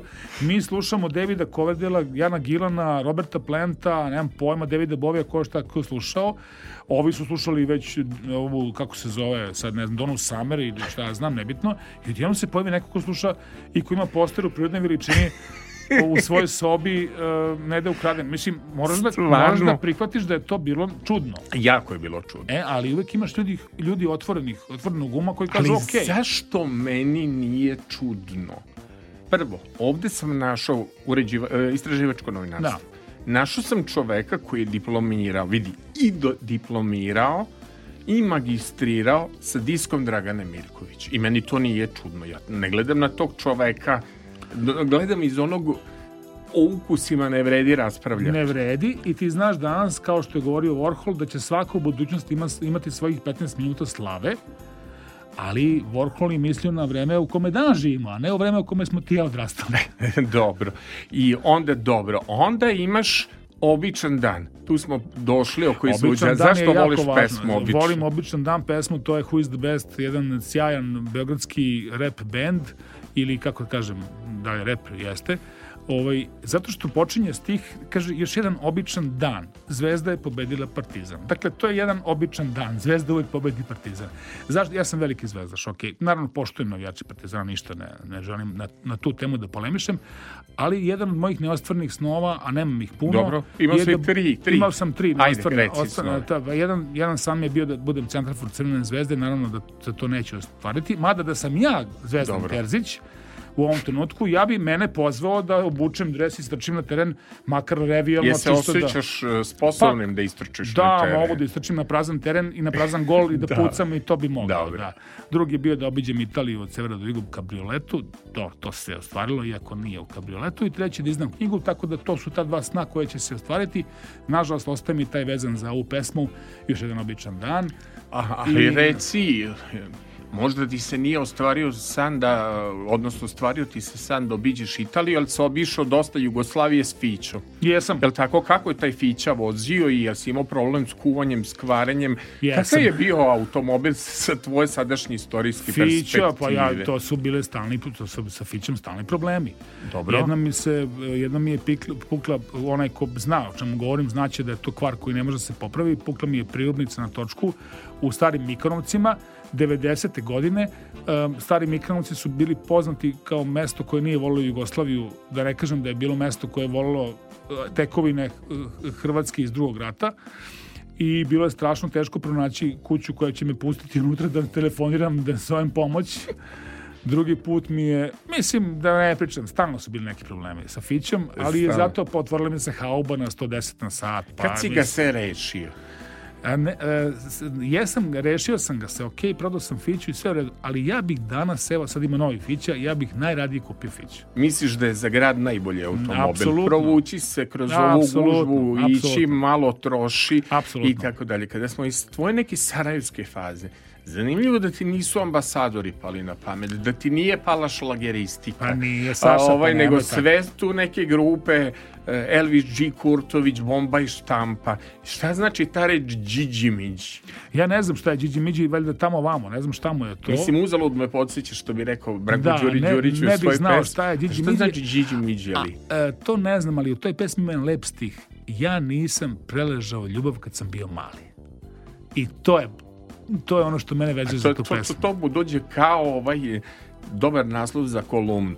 E, Elvis G. Kurtović, zašto si njega? Legenda. svi, svi biraju Ne, ne, ne. ha, car Ne, Haile ne, ne. Selassie, Pa ne, car kralji pa on je Afrike i legenda, Azije. on je legenda, legenda sarajevske rock scene, njegova slavna pesma Da Bog da crko rock and roll kad ga svako, Svako svira, pa i ja, sa njima, tako je. ali nisi odabrao Nisam to. odabrao tu, odabrao sam ovu drugu koja se zove, uh, podsjeti me kako sam... A, čekaj, Elvis G. Fall, rapping i krivo usmjeren. E, krivo Dve- usmeren, zato što krivo usmeren govori o tome da je jedan čovek završio fakultet i čitao književnu reč, bio kulturan i na kraju završio kao portir.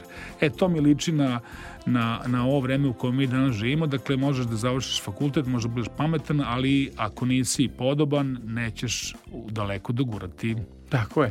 A reci mi sledeću stvar, ovaj Grale Vuk, gde njega iskopa? A to je jedna patetična, čekaj. tužna pesma Oprosti, e, Oprosti, to sam, to je valjda vreme nekih nesrećnih ljubavi, nemam pojma, i on se razdvaja od nje, ona od njega, ne znam se više ko koga tu ostavlja, ko, ko nije ostavio koga, i onda oprosti mi što nisam ovo, oprosti tebi što, što ja nisam ovo, prosto jedna lepa ljubavna pesma i, i tužna, jel? Jeli, pa eto vidiš šta smo mi, pustit ćemo sada Srđana Marijanovića, mi smo jednom drugom govorili, vi počeš o Arsenu sledeći blog, da Može, kažemo. može, neko. Arsen uvek o Arsenu. Arsen Uvek je Arsenu. nekako za tebe inspiracija i um, mnogo voliš njegove pesme, nego ajde da čujemo ovo, mi smo jednom drugom govorili, vi, Vlažo Popović, gost emisije Subota sa Sašom.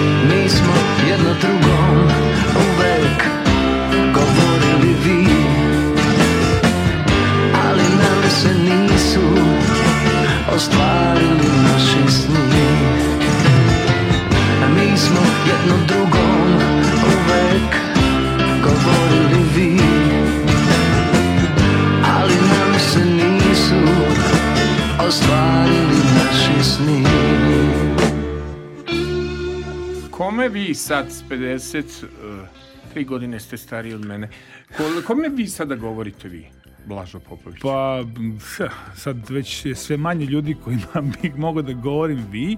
Naravno, uvek bih rekao vi nekome ko je autoritet. Danas sam, recimo, se čuo sa jednim čovjekom kome sam govorio vi. To je Đokić Jovanović iz Niša, jedan sociolog koji ima 71 godinu i koji je bio nekad davno moj gost i koga jako cenim i poštujem. Dakle, njemu govorim, njemu bih rekao vi. I rekao bih vi svim ljudima koji znaju više od mene i bolji su u nekim stvarima od mene, pa neka to bude u bi- bilo kojoj oblasti. Vi je i ova kasirka kod koje idemo u drugstore da kupujemo Apsolutno još da, jednu... to je odraz pristojnosti, da, znaš, i to E. jeste tako. To je jedna, kako bih rekao, lepa kultura, nego gde, gde vam pade na pamet? Pesma iz 1983. godine. Ja znam, Blažo, da ste vi stariji od mene tri godine, ali ja za ovaj Naju i Lidiju pojma nemam. Ja, Nemate? ja moram da vam kažem sada, Možda bi se takmičili ko je učestvovao na Beogradskom proleću, na Zagrebačkom festivalu, koja je razlika između Tupeja, Duška Lokina i drugih Tupeja, koja je razlika između Brkova, na primjer e, Tomislava Ivčića i Miše Kovača, Šiški Ljubke Dimitrovske i Ane Štefuk. Tu bi možda mogli, ali ovi bendovi za mene, Blažu, moram da vam kažem, su totalna nepoznanica. Hvala vam, što ste kolega. vi, što ste vi, hvala što ste se toliko trudili oko ove emisije, ali recite mi, ovaj, um, Naja i Lidija, ja do vas sad ovo prepočujem, Da. odnosno čujem u podsvesti malog mozga. Nisam Da. čuo te 83. godine. E, Nekada je, su postojale dve emisije na ovaj, našem, našem e, u etru, Dobro. e, koje su nam e, otvarale oči muzički kada je u pitanju bila domaća ex, ex muzikal. Jedan od njih je bio, jedna od njih je bila radioskop na Radio Beogradu, a druga je bila zvukoplet televizije, odnosno Radio Novog Sada. I u te dve emisije se u jednoj godini u isto vreme promovisala pesma ove grupe Naja iz Beograda, pesma Lidija, koja je bila neki lagani ajde da kažem šta je to, ska, rege, neš, neki ritam i to je bila vrlo veliki hit u, tom, ovaj, u, u, u, u toj godini. Posle toga više ništa od te grupe nije bilo, ali ta pesma je bila hit. Eto. Ali moram da vas pitam kako to ljudi se razlikuju po ukusu. Zanimljivo je to koji ste vi odabrali emisije. Ja sam to radio u omladinskom slapu, pa sam slušao suotom sa vama Lazara Ludoškog, Milorada Crnjanina. Da, da, da. Moje uho je bilo totalno pro... Pa dobro i diskomer sam slušao Slobekonja. Da. Mislim, kako rekao, uho mi je bilo programirano na komercijalni zvuk, ajde tako da kažem, ovaj... i Ja sam, slušao, ja, ja, sam, ja sam voleo određenu vrstu muzike, ali sam primećivao sve. A jeste gledali televiziju? Da, kako da ne, kako da Ste gledali hit meseca ili ste gledali samo da. petkom u 22? Sve sam gledao, sve, sam, sve ste sve to, da. I, i kako- hodoljublje zvuka džumhura i Ka- ostalo. kako ste ovo odlučili da da je televizija zapravo za vas? Šta, šta vam se Pa, svidelo e, postoji nešto, ovaj, pa mislim, kako da kažem, radio, ja sam izabrao prvo radio, sam izabrao. Dobro. Prvo, i radio je magija i ja volim radio verovatno više od televizije, ali postoje neke stvari koje je nemoguće na radiju objasniti, prikazati, reći i potrebna je i slika. Zato televizija, oto televizija. da nisu ljudi sad po meni, ajmo malo da se bacimo na sociologiju ovih modernih vremena. Jel nisu preterali sad s podcastima? Ko će to da ga sluša tri sata?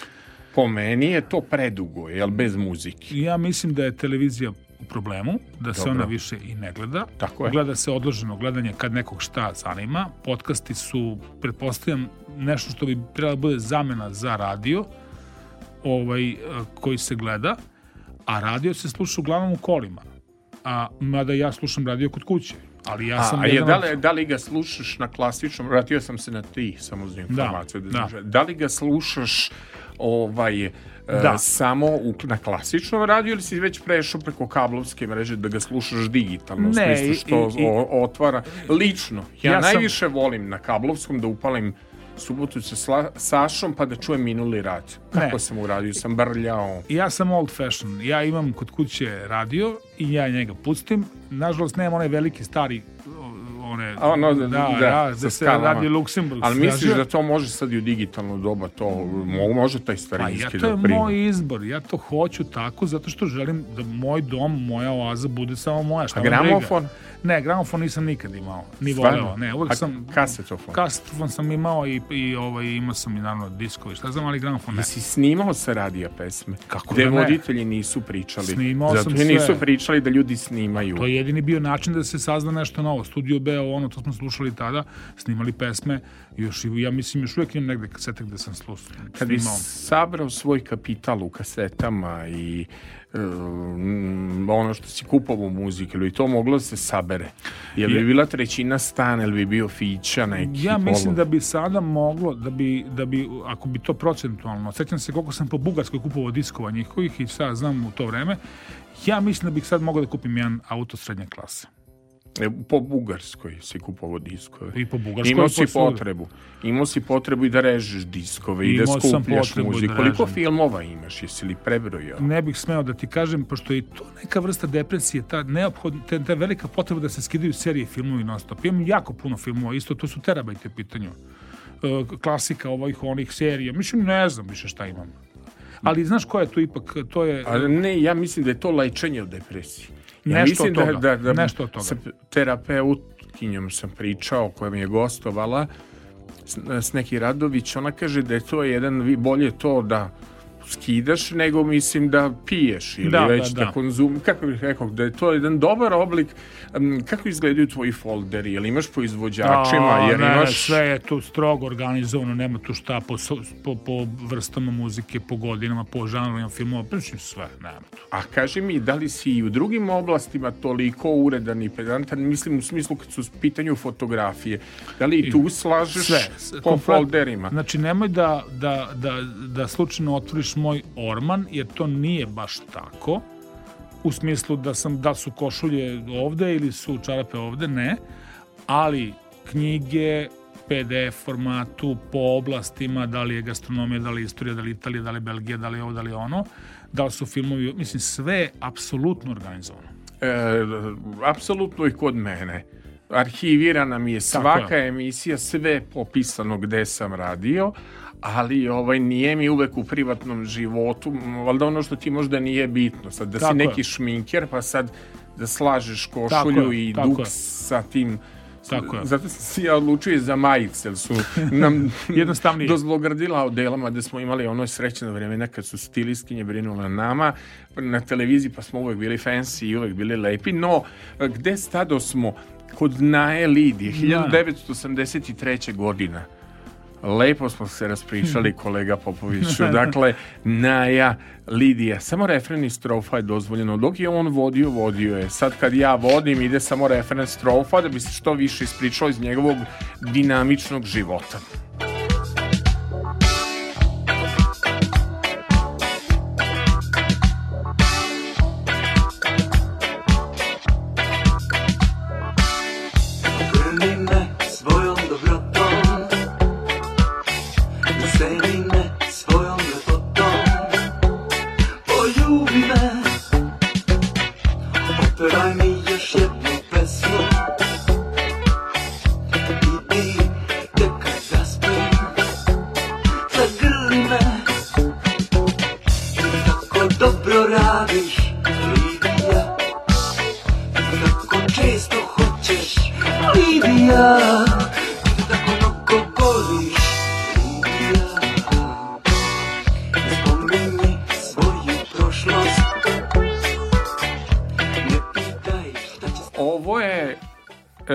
Pesma kad nam se rodio Kris. 1983. Tu si Kris plus minus, jel tako dalje. Kolega vas da ne pitam, vi ste 90. godište, tako? 91.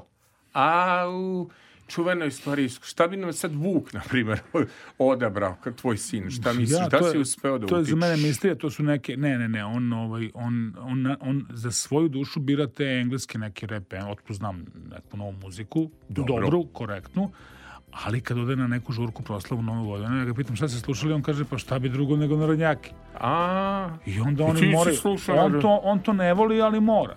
Pa slušao si ti narodnjake, samo nisi teo da priznaš nekad. Ne, ja sam Plavi, uvek priznao, ja sam uvek- priznao. Ja sam uvek priznao. Nervozni poštar si ti prvi Dobro, pustio. to, to, to nije narodnjak, mislim, ne može se kaže. rock. Ali zato nije Halid, meni problem da uh, kažem stani, stani Ibar vodo, to kad čujem ja sečem vene, nije Stvarno, stvarno. to ti je da. omiljeno. Pa, jedna od omiljenih, da. Koje su ti još omiljene? Pa evo sad ova, ova nova iz filma, ovaj, je to Montevideo, koja je ova... Koja bre? Ponoći?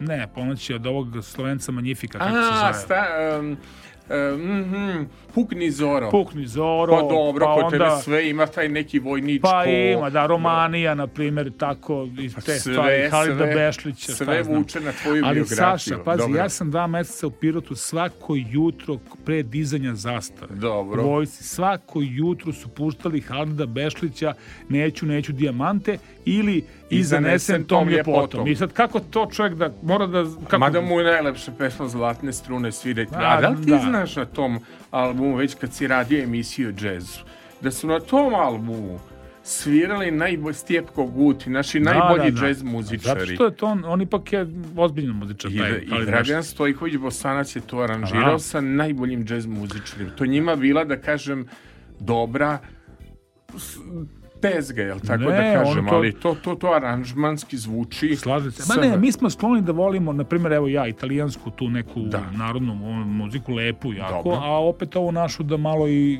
ponižamo, znaš, nije baš sve tako.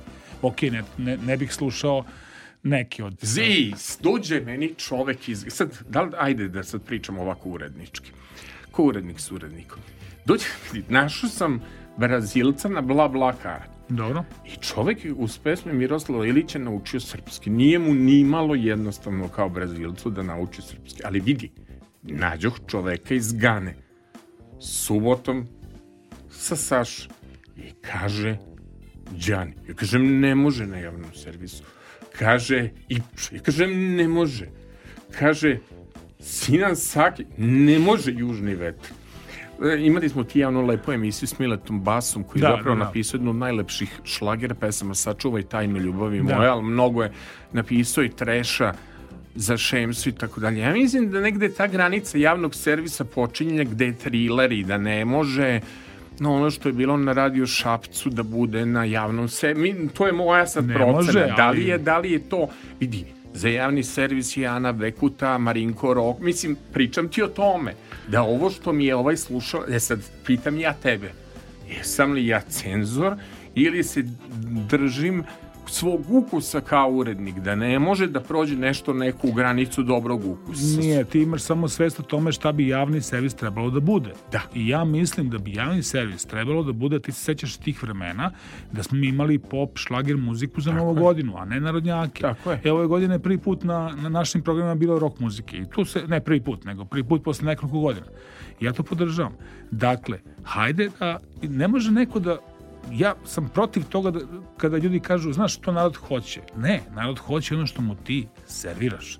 Dakle, ako ti kontinuirano iz godine u godinu plasiraš kvalitetnu muziku, narod će voliti kvalitetnu muziku. To je prirodno. E, Ja jednostavno sam stavio jednu tezu da prosto ne može nova godina po onome što mi znamo iz IRT šema iz televizije Beograd, znači može i Nada Topčagić i Zorica Brunslik, ali može i Bisera Veretanlić i može Beti Đu, prosto hoću da kažem žanrovski.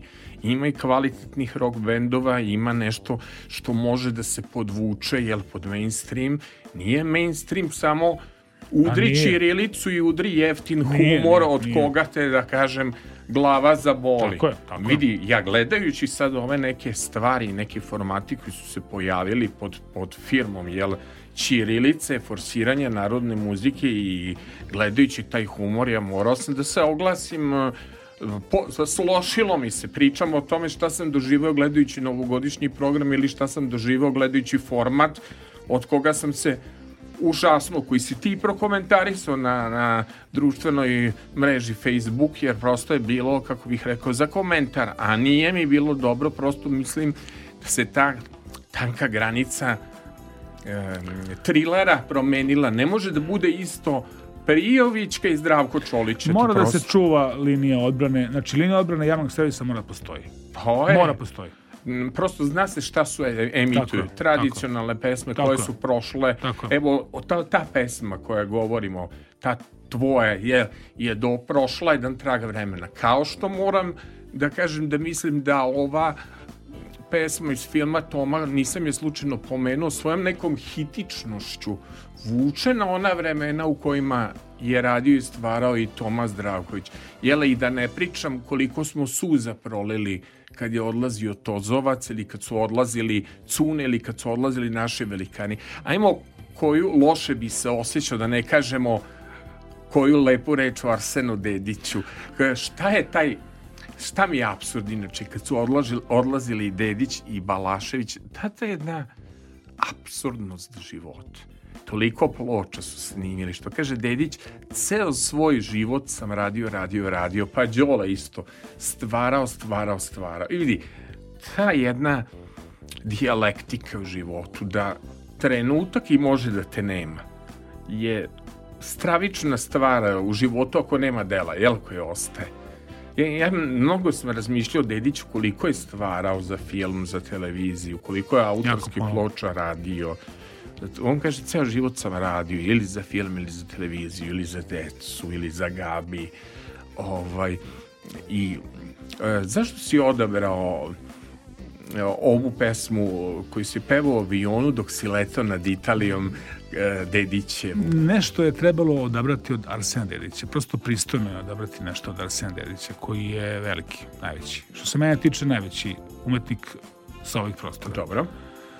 A zašto ta pesma? Zato što je, e, za one koji ne znaju, Howard Hughes, e, ekscentrik, bogataš, producent, svašta nešto, je u svom, u svom avionu Bruce Goose, kako se zvao, izgubio život. E, Poginuo. I ja sam leteo u tim malim avionima, ma, malom avionu, dvokrilcu iz Kraljeva do, do, do ma gde da nas nije đavo nosio i uleteli smo u razne neprilike i ja sam se plašio u jednom momentu da ću da mislim, završim kao Howard Hughes. Da ću se, ili kao Franjo Kluz, mislim. Franjo Kluz. da ću se survati dole. I onda je to pesma sasvim logična, jel? Ovaj, za tu situaciju koja je dosta traumatična, moram da kažem, i da je ovaj, leteti u tim šklopocijama, mislim, jeste, iako je on kao siguran avion mali, ali znate, sve duva oko vas, mislim, kako da kažem, jezivo je malo, pogotovo kad uletete u neku oluju. Ali ovaj, otut to. A inače Arsen, mali, malo poznat podatak, on je dosta pio, naravno, to se zna, i onda je išao na transplantaciju jetre u Bolonju, Jasno. I kada se vratio dobio je novu jetru, međutim nastavi da pije. I onda su mu rekli, ali Arsene, nemoj, imaš novu jetru, čoveče, nemoj da piješ. A on kaže, šta je briga, to nije moja jetra. Ja, ovaj, da, no, ta Bolonja je bila čuvana po tome. Pa ja mi imam Arsena Dedića ovaj, moram da kažem, kada bih ja opisivao ličnost mog gosta i kada bi trebalo, ajde, da ti opišemo Blažu Popović, upravo bi sa ovom pesmom, ima ovde i nekog džeza, ima i neke metafore koje voli naš eh, autor u svojim emisijama, da ne bude jednodimenzionalan. Tako da ne, ne znam kada bih ja pesmu uh, od Dedića uh, završit ću kao Howard Hughes koju baš, baš mi opisuje Blaž. A znaš koja pesma bi bila za mene? A koja? Od Arsena? Dedića. Kad bi svi ljudi na svetu baš kao sva. Mada mene najbolje opisuje pesma Zdravka Čolića koji radi u Kornelije Bata Kovača, tekst je napisao Đorđe Balašević, prosto mog blizanca. Kažeš da ti nekad izgledam Ko kod Dunav, Dunav. da. Stižem, jedna od po meni najboljih pesama Zdravka odlično. Čolića u smislu teksta, Da, da, u da. smislu ljudi, ja bih vam rekao kad bi u par reči trebali da opišemo mog gosta Blažu Popovića, upravo je ova pesma, upravo to je on mačo, harizmatičan, bojem. Pitaću te još jedno pitanje za kraj da zasolim tabloidno nešto, a baš će biti kratko da mogu da odjavim Ajde. na vreme. Idemo na Arsena Dedića, pa će biti onako najprovokativnije pitanje. E, završit ću kao Howard Hughes.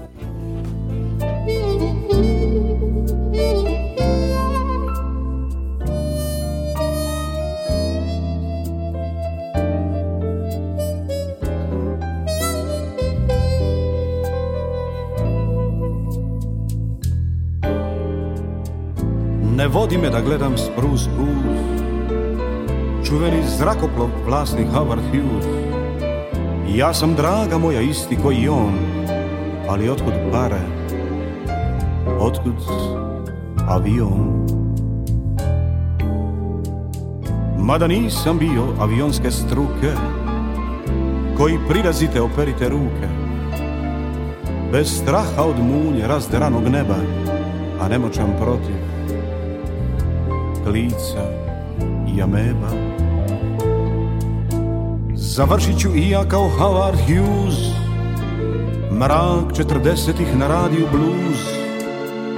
Završit ću točno kao Howard Hughes Ili po domaću Kao Franjo Kluz.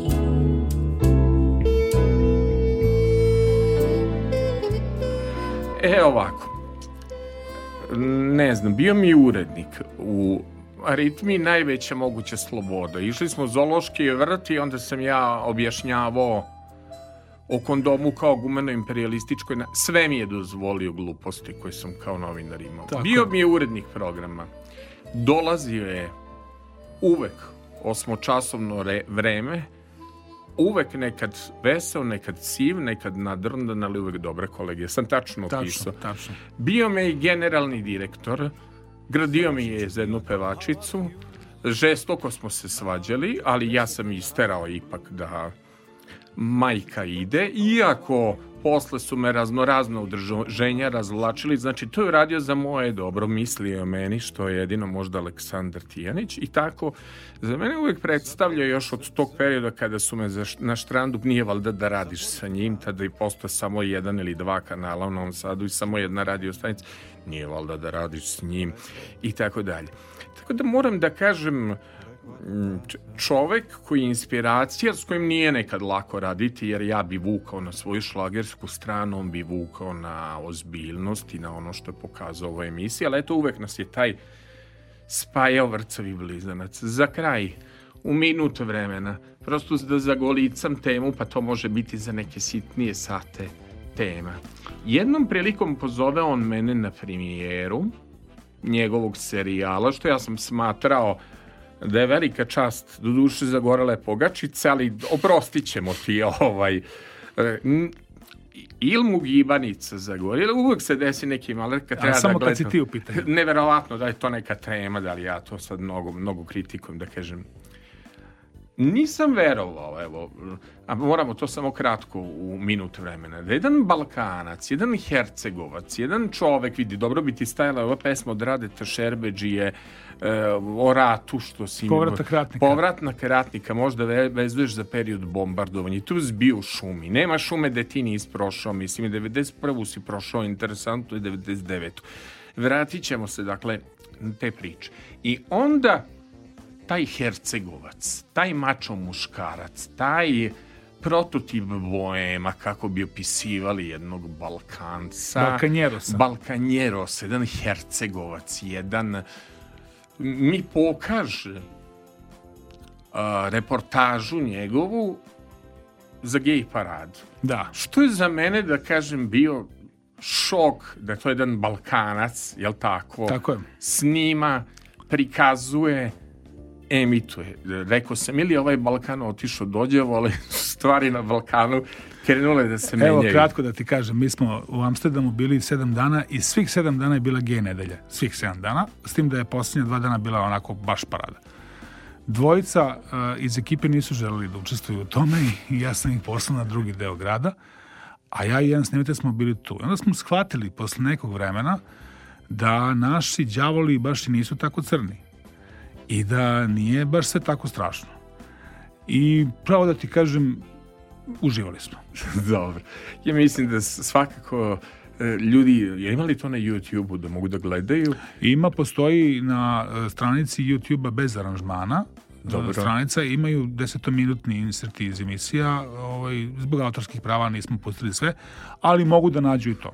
Dobro, nije to nama bitno kao to, nego je bitno, ti si negde dokazao samo promenom čovek može ako se prilagođava nekom duhom vremena, ako menja formate, ako e, menja se. Čovjek mora da napreduje. E, to je. I vidi, čini mi se, sad pričamo o ovih pet godina poslednjih kada si ti putovo, bez obzira kakve si ti uspehe e, i sa mm, formatom aritmije i sa svim stvarima i kvizove si radio i tako dalje, ali čini mi se da si u putovanjima, u putopisu pronašao sebe. Da. I da si pronašao slobodu svog duha, ajde tako da kažem. Čini mi se da svu širinu koju ti imaš kao autor, upravo to upoznavanje ljudi i, država ti je omogućilo da raširiš svoja krila. Jesam li? Da, ali je u suštini to potraga za sobom. Mhm. Ti kada putuješ, ti tražiš, neko bi rekao premeštaš svoju dosadu s jednog mesta na drugo mesto, ali ne, ti pokušaš da pronađeš sebe. I što više putuješ, sve više si u, u, u- u totalnom ludilu da, da, da od svih tih impresija izvučeš ono što si ti. I na kraju, kao što je Gete rekao, koji to prognanik može pobeći od sebe? Ne može ni jedan. Dakle, ti bežiš od sebe, tražiš sebe i na kraju se vratiš tamo gde si bio, ali sve ostaje, deo tebe ostaje svugde gde si bio. Jesi ostao još uvek onaj poručnik na društvenim mrežama Da, i da da. li ti je ostao e, Na Instagramu sam Mr. Blueberry. e, hoćeš otkriti ovaj tajnu našim mlađim slušateljkama i slušocima za A- neupućene. Ko, zašto taj Zašto nik? poručnik Blueberry? Da, da. Poručnik Blueberry je, je jedan lik iz stripa koga sam ja jako voleo kao, kao, kao mladi, danas ga volim. E, Poručnik Blueberry je uh, nacrtan prema liku Jean-Paul Belmonda, koji je veliki glumac, francuski, preminuo pre izvesnog vremena uh, i po njegovom liku je taj strip nacrtan, a on je kao PB, poručnik Blueberry, Popović Blažo, pa bla bla bla, ja sam bio poručnik u vojci i tako. I, zamisli da snimaju neki film, eto, nađu se kao Draško Ređep i ekipa, nađu se neko da, da snima film o bivšoj zemlji. Da. Šta misliš, koje bi mi dobili uloge? Ti Je i li ja. ti bio poručnik onaj u tom fići koji vozi tamo od Požege do Sarajeva? E, kako bi sebe video u e, 80. godinama uz ovu playlistu koja je u globalu bila, čini mi se, iz 80. ako tako, ne grešim. 70. kraj Da, 70-ih, 80-ih, da, da. pa ti ja bi možda bili kao Boro i Ramiz. Misliš? Da, stradali bi negde na početku. Joj Bože, ima i u svim ima republikama da su stradali. Mislim, Stradali stradali, bi i ono dvoje u, u- zaljubljenih, pa stradaju bo... Ej, što dobro se seti ti. Znaš, gdje nikad nisam bio, mislim, uh, tamo dole. Bio sam dobro, ja, bio bio, sam ja. I baš, baš na mestu gde je Hala Bora i Ramis. Ne, bili smo, orgo- bili smo u Prištini, radili smo nedeljno popodne, kolege Ja. iz televizije Beograd i ja, Milica Gacin i ja smo vodili Čuvano iz ono nedeljno da, popodne da, da. ste vodili, Da, jel? da, da. Tamo je bila i Jugovizija jedne godine, ako se sećaš. To ne znam, ali znam da smo ovo mi radili. To je bila 98. u jesen, Dobro. pred bombardovanje. Bo, dobro, dobro. Joj, da, koleginica Gacin, da. Joj, a čekaj, onim nedeljnim popodnima kad je bilo više voditelja za jer tu Bio mrežu sam i tu isto, Plusa, da, tu sam jel? isto bio, da, sa Tanjom Vojtehovski, Ksenijom Balaban i šta znam ko je to se bio. Stara ekipa. Da, tako. stara ekipa, da. I na kraju meni kaže Filipović izvoli zabavnu nedelju od 14 do 19 možeš ti to, jel tako beše? Tako je bilo, tako je Jel bilo. tako beše, rekao ti Miražić kad bi bili odličan I? par. Je bilo? Tako je. Mani se, majke, mani se tabloida, gledaj nova vremena, putuj Filipović, ja posluša, vidi. Vidiš, eto. I kad sam krenuo da putujemo, sladilo mi se. To ti kažem. Turska. Slušaj stariji od sebe. Slušam, slušam. Druže Popović, mnogo ti hvala, vidi. Za kraj, mislim da je lepo da pustimo grupu Lebi Sol, da pozdravimo Kseniju. Za moju Kseniju, da. A, verujem, ne znam sad šta bi bilo kad bi Ksenija došla da bira playlistu, šta bi se tu našlo i šta bi se našlo u tim stvarima. Svakako Kseniju pozdravljamo mnogo i pustit ćemo Leb i Sol na kraju. Naravno da kažem ekipu, momci, neću da vas ne pozdravim. Znači, e, Daniel Slimak, 91. godište, prvi put danas na smeni, subotom sa Sašom. Drago mi je, tako je dobro bilo raditi sa vama. Evo gore društvene mreže, odlične fotografije. Potom, a, Milan Marković za prijatelje, zvani Nemi pesnik, moj tehnički producent i Kristijan Lotrean, kako te nazvao onaj e, čovek što je izbio iz Banatskog Karlovca, Krisi, ispade mi bre ko junak iz dinastije, ko Blake Carrington, a nisi prima to je na ljubazan glas kad vas pozove i strogo postroji da li ste se prijavili za gostovanje. Bio je ovo, dragi moj kolega Blažo Popović, vraćajte ovu emisiju u Rikvert što više. Lajkujte, delite po društvenim mrežama, slušajte odloženo jer to je stvar budućnosti. Ja sam Saša Filipović i redko sam uživao kao sad, uopšte nisi bio kao bisera i kao neki strogi, pa nisi bio ni kao slađana, odmah si mi dao playlistu i kaže kako mi se nisi setio pre, sram da te bude, kažem, za ti Vujke nije rekao kako je kod mene lepo. Moj dragi prijatelj Blažo Popović, tako je dobro s njim se videti i prijateljski i popiti kafu u multimedijalnom restoranu i sok i sve i pričati o starim dobrim vremenima. Na Mnogo ti hvala, mnogo mi je bilo lepo. Nadam se da nisam izneverio. Kakav ti je bio blok kad si sam vozio? Pa, ti, to je bilo na tvoj rizik, to ćeš morati da preslušaš u svom tako? o- odloženom slušanju, ali tebi se zahvaljujem na pozivu, uživao sam beskreno.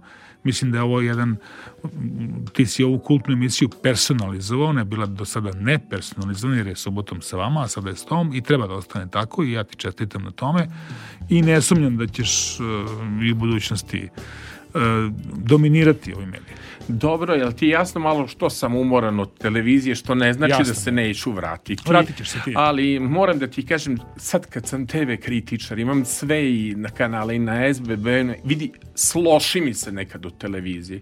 Ako me razumeš, Razumem te, sve je pa, na istu vinklu i sve je jako dosadno. Hvala ti mnogo što Hvala si mi tebi. tolerisao ovo i za Kseniju, za kraj grupa Leb i Sol. Momci, hvala vam. Hvala vam. Vojnički ste ovo odradili, evo poručnik nema primetbe, jel tako? Ne, ne, ne.